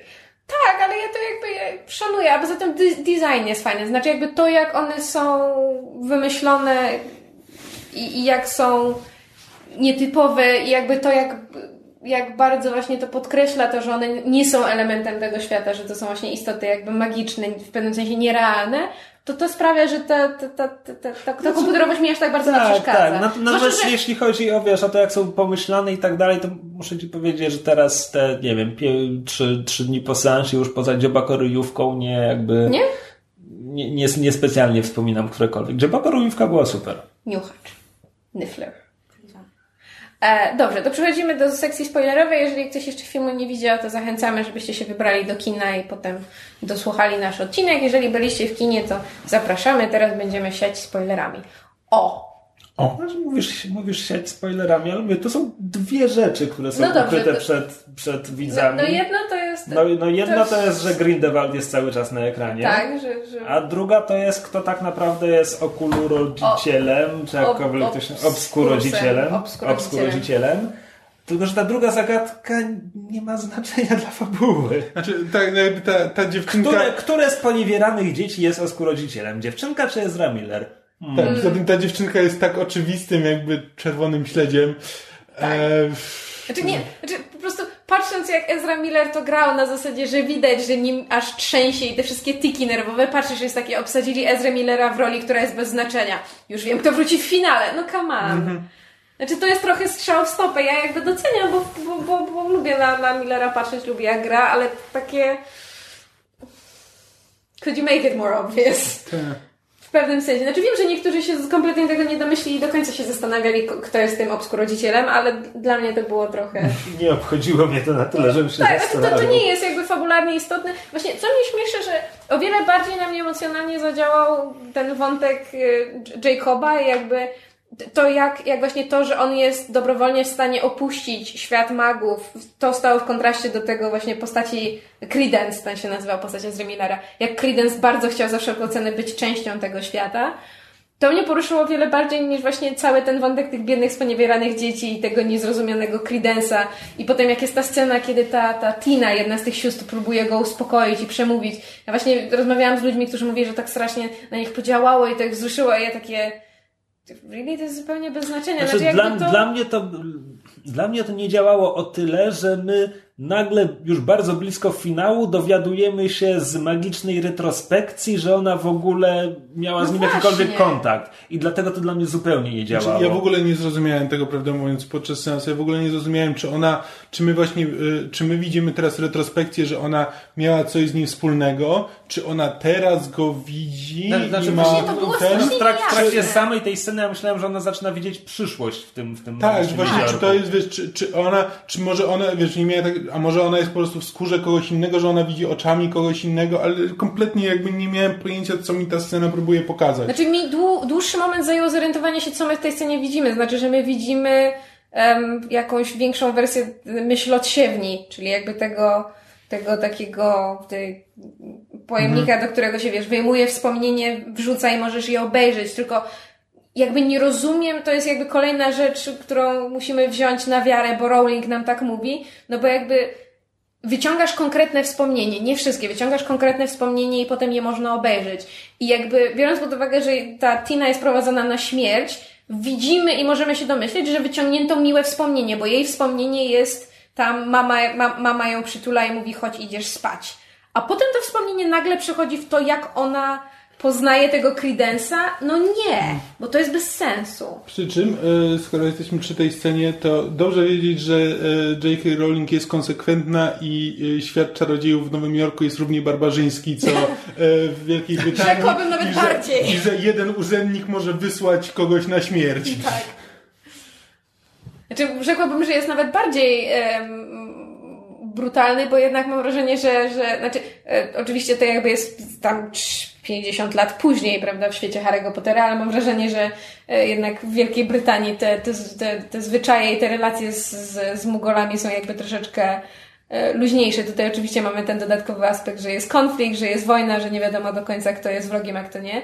Ale szczerze byłam trochę zdziwiona tym, że na koniec filmu właśnie jakby, że nie było takiej bardzo klasycznej sytuacji pod tytułem no dobrze, tam Mugolu, czy tam Nomadżu, no dobrze, Kowalski, pomogłeś nam, to teraz będziesz wyjątkiem od reguły i możesz zachować wspomnienia. Nie, jest bała. Też musimy cię wymazać, bo zasady to zasady. I w sumie byłam zdziwiona, że było tak, tak, em, jak to nazwać? Szukam słowa. Pra, nie, praworządnie. No, że tak się trzymali zasad. Zasadniczo. Znaczy, szczerze, szczerze No mówiąc, ja całą, całą tę scenę czekałem, aż, aż Redmayne się odezwie i zaproponuje, żeby dali nogę do Anglii, bo on wyraźnie mówi, że nie podobają mu się amerykańskie prawa i, i że najwyraźniej w Anglii Kowalski nie miałby problemów. Nie, ja też myślałem, że wiesz, na zasadzie albo po prostu Kowalski zamieszka w walizce Redmayna i będzie się zajmował No tak, zwierzętami. to było dość oczywiste. A z drugiej strony, no, dostał swoje marzenie o piekarni, to też jest urocze. Pączki. Znaczy, trochę ten, znaczy, taki ten związek jakby tego, jak, w jaki sposób on dostaje tą piekarnię jest taki...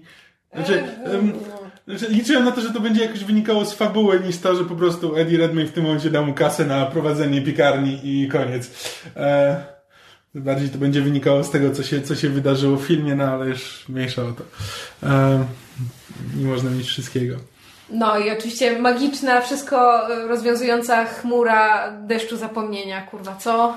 Tak. no Znaczy to jest chyba to, z czym ja mam największy problem. Już abstrahując od wszystkiego innego i różnych tam niedociągnięć i nielogiczności. Zwłaszcza, że film ci dwa razy mówi, że to nie do końca, Że to nie, tak, nie działa. tak działa. Tak, no i po prostu jest, jest wewnętrzna sprzeczność tak ogromna, że ja po prostu stwierdziłam, a dobra, już chrzanić, Znaczy, jeśli, jeśli słuchają nas ludzie, którzy nie widzieli filmu, tylko po prostu z przyzwyczajeniem słuchają wszystkiego, e, Eddie Redmayne ma zwierzątko, z którego wyciąga jad i pokazuje fiolkę jadu Kowalskiemu i mówi, że ty, pracuje nad tym, bo to może usuwać niemiłe wspomnienia.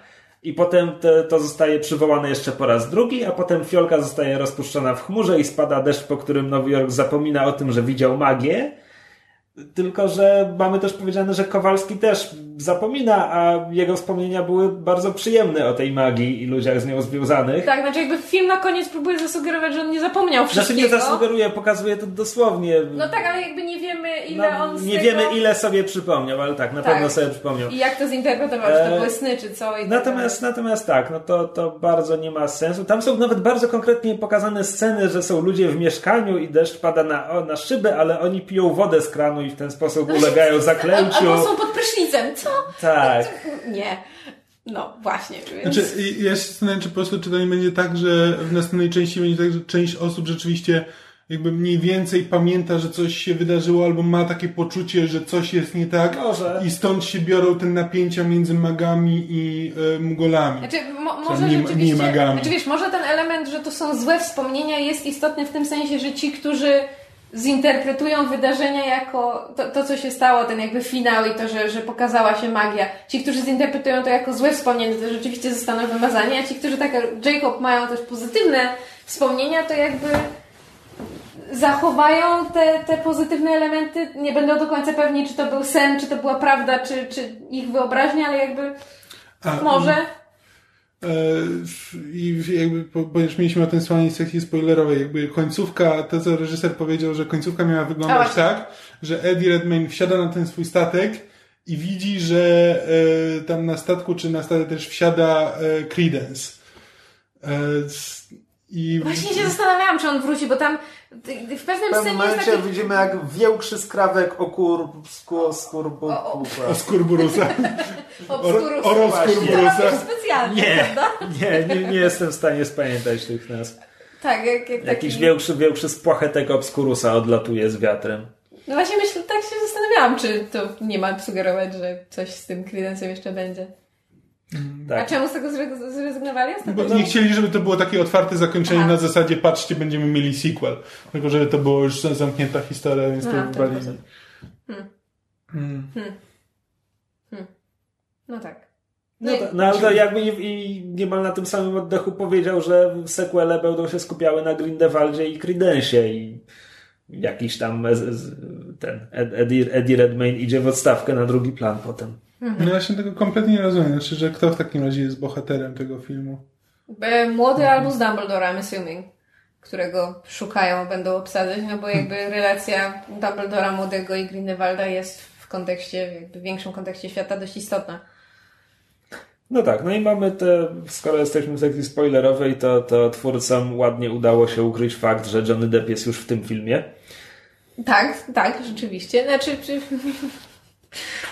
Dużo go nie ma, a to co widzimy nie jest jakoś szczególnie imponujące, ale Tak. ale tak udało mi się ukryć, co jakby w Hollywood jest dużą sztuką. No, Przy czym się strasznie boję tych następnych filmów, bo jakby właśnie boję się, że teraz Rowling chce iść. No to jest to, co mi nie pasowało w Harry Potterach. Znaczy, że z biegiem czasu miałem wrażenie, że Rowling się, nie wiem, popisuje i chce udowodnić, że jest też poważną a, autorką i jakby bardzo mocz, mocno bardzo mocno s- szła w ten mrok e, i lekką beznadzieję. No i boję się, że teraz sequele do, e, do Fantastycznych Zwierząt będą szły w tę samą stronę. Właśnie I- to jest to, co ja boję, że znowu wielka, wielka, smutna, straszna wojna. No już to widzieliśmy. Znaczy mówię, no mi się najbardziej podobało to, że to jest taki bardziej urban fantasy no i są fajne, fajne te stworzenia. Jakby te stworzenia mi się bardzo podobały i chętnie bym, chętnie bym ich obejrzał więcej. No i tych A teraz też wygląda na to, że będę oglądał po prostu złych magów walczących z dobrymi magami i tego bym bardzo nie chciał. Że to po prostu się skupiało tylko na tym świecie magicznym. Jeśli już się czepiamy elementów, które się pojawiają z nienacka jak królik z kapelusza, ja co prawda nie znam kanonu Pottera na wyrywki i właśnie tych rzeczy jakby, które tam były wspomniane raz i dotyczą przeszłości tego świata, tym bardziej nie pamiętam, ale ja mam wrażenie, że w ogóle koncepcja tego Obscurusa też jest wyciągnięta z kapelusza tylko na potrzeby tego filmu. Bo jakby wcześniej mam wrażenie, że w świecie Harry'ego Pottera w filmach, a nie w książkach czegoś takiego nie widziałam. Może, nie wiem, na Pottermore było, może było gdzieś wspomniane mimochodem, ale... Ale No dobra, może no, ale, być, ale coś Harry takiego... Potter pokazują ci świat, w którym każdy mały czarodziej dostaje list od sowy i zaproszenie do szkoły, więc nie ma problemu Tak, blokowania. Czy... Ale tak samo jak wiesz, masz powiedziane, że teraz jest ok, ale kiedyś był he who must not be named i było inaczej, tak samo możesz mieć powiedziane, o, teraz każdy młody cz- czarodziej się uczy, bo mamy, prawda, struktury i edukację i to wygląda inaczej i mugole o nas nie wiedzą i się bardzo skutecznie ukrywamy, ale kiedyś było tak, że dzieci tłamsiły swoje umiejętności i powstawały takie okrutne rzeczy jak obskurusy. To jest jedno zdanie, a ja mam wrażenie, że tego nigdzie nie było, chyba, że mi teraz pamięć ostro szwankuje. Znaczy ja miałem wrażenie, że on coś takiego mówił, że te obskurusy są jakby bardzo rzadkie i że to jest, że ten, którego on miał u siebie, to był jeden, e, jeden z ostatnich. E, Znaczy, dobra, miałem okej, takie było wrażenie, że one są, że one są na wymarciu. Tak.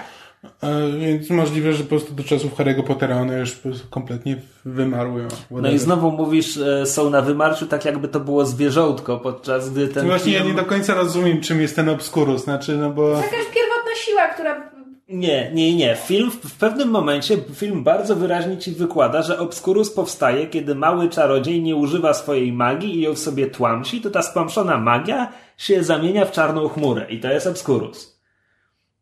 No tak, ale ja Tyl, tylko potem jako- kompletnie film e, zapomina, żeby jakoś wyjaśnić relację między na przykład świadomością tego małego stłamszonego czarodzieja a Obskurusem, bo w finale ewidentnie Credence steruje swoim Obskurusem. Tak, ale mamy powiedziane, że on jest wyjątkowy, bo nikt nie przeżył tak No. długo z Obskurusem. Tak. Znaczy, że ten obskurus jakby daje mocno, bo No, też a, to... z, a z drugiej strony Eddie Redmayne ma w walizce Obskurusa, którego zabrał martwej sudańskiej dziewczynce. No ale te, tego, no ale jakby dlatego Grindel, Grindelwald ewidentnie szukał tego Obskurusa, bo on ewidentnie daje jakąś moc. Czyli znaczy, że on daje moc swojemu e, gospodarzowi, ale e, no bo on mówi, że Nie, a, nie, czyli, on, się- on się bierze z mocy gospodarza. Mały czarodziej go no tworzy. tak, tworzy stworzenie, które później jakby daje gospodarzowi jakąś tam dodatkową moc. No bo Grindelwald e, jako jeszcze ten e, Colin Farrell mówi ewidentnie, jak tam widzi tam tego drugiego Obskurusa, to mówi, a, a, to znaczy, że teraz będzie bezużyteczny. I co oni się pytają, ale to czego miałby być użyteczny taka e, destrukty, A, destrukcyjna okej. moc? Czyli znaczy, że on chce go wykorzystać nie, nie, do nie, tego, nie, nie, żeby... nie, inaczej. Ja to interpretuję inaczej, bo Eddie Redmayne, kiedy, kiedy się dowiadują, że on ma w swojej walizce tego, tego, samą tę chmurkę, tego Obskurusa, to on mówi tej Tinie, że nawet gdyby ten Obskurus się wydostał z jego z walizki, to nikomu nic nie zrobi, bo jakby bez, bez hosta, bez gospodarza jest bezużyteczny. Więc to nie jest tak moim zdaniem, że Grindelwald slash Farrell, czy tam on się nazywa Graves, e, jego postać, to nie jest tak, że on szuka Obskurusa, żeby czerpać z niego moc. On A, szuka okej. dziecka z aktywnym obskurusem, żeby dziecko zmanipulować i w ten sposób wykorzystać Mhm. moc obskurusa i tego dziecka. I dlatego tak mnie zaintrygowało, Krzysiek, co ty powiedziałeś, że w kolejnych filmach ma, ba, fabuła ma dotyczyć nie tylko Grindelwalda, ale i Credence'a. Bo jeżeli tak, to to jakby tym bardziej nie rozumiem, jeżeli zakładamy, że Credence ma jakiś związek z Grindelwaldem i był częścią jego planu i jego rise to power, to tym bardziej nie rozumiem, dlaczego obskurusy nie są elementami świata, skoro o Grindelwaldzie i jego, jego wojnie się, się jakby w świecie Harry'ego Pottera mówi, a o tym elemencie, jakim jest to, że on wykorzystywał obskurusy, prawda, e, praktycznie na wymarciu, bardzo niebezpieczne, nieokiełznane, pierwotne moce małych magów się nie mówi. Znaczy, A, czepiam się dobra. tego, że to jest nieścisłość. No tak, no bo to jest redcon, no jakby więc... O cholera, mamy duchy w mieszkaniu. Nie, mamy elektryka debila. Właśnie światła zaczęły nam mrugać. E, Tak, tylko pytanie, czy to jest żarówka, czy to jest instalacja. Ale to... mm, Znaczy, no, ewidentnie jakby no, J.K. Rowling próbuje wykorzystać element, który wprowadziła w swojej fikcji, żeby teraz podpiąć go pod, pod nowy film. Wiadomo, że tam będzie dużo niedociągnięć, więc no, to już tam jestem, jestem w stanie przemilczeć i przejść nad tym do porządku dziennego. Tak, bo ogólnie nam się podobało, bawiliśmy się dobrze i mimo um, dużego stopnia wahania co do dalszego kierunku, myślę, że e, z ciekawością i pewną dawką dobrej woli pójdziemy na kolejne części. Was również zachęcamy do wybrania się do kina, sprawdzenia, czy Wam ten spin-off od e, świata Harry'ego Pottera pasuje. E, I czekamy na Wasze opinie, pytania, komentarze, sugestie, krytyki i tak dalej, jak zwykle. Zapraszamy do kontaktowania się z nami w komentarzach na myszmaszowym blogu, do komentowania na Facebooku, do wysyłania maili na myszmaszmałpa.gmail.com Jakby ktoś chciał nam przysłać po ten list sową, to też poproszę. Tak jest. E... Znaczy, ja chciałbym mieć sowę. List wywalimy, sowę sobie zostawimy. Ja nie chcę mieć sowy, ja chcę mieć niuchacze. Ja wiem, że one są upierdliwe, ale jest tak uroczy. E, tak, i tym... Wiesz co, upierdliwe są dla tych, którym kradnie. Jeśli będzie potem wracał do ciebie, to wiesz... Znaczy, on, on chyba nie wraca, on trzyma dla siebie. Jest raczej taki bardzo um, samolubny. e, tak, i tym akcentem kończymy na dzisiaj. Dziękujemy Wam bardzo za uwagę i do usłyszenia, jak zwykle, tradycyjnie w przyszłym tygodniu. Papa! Papa! Cześć.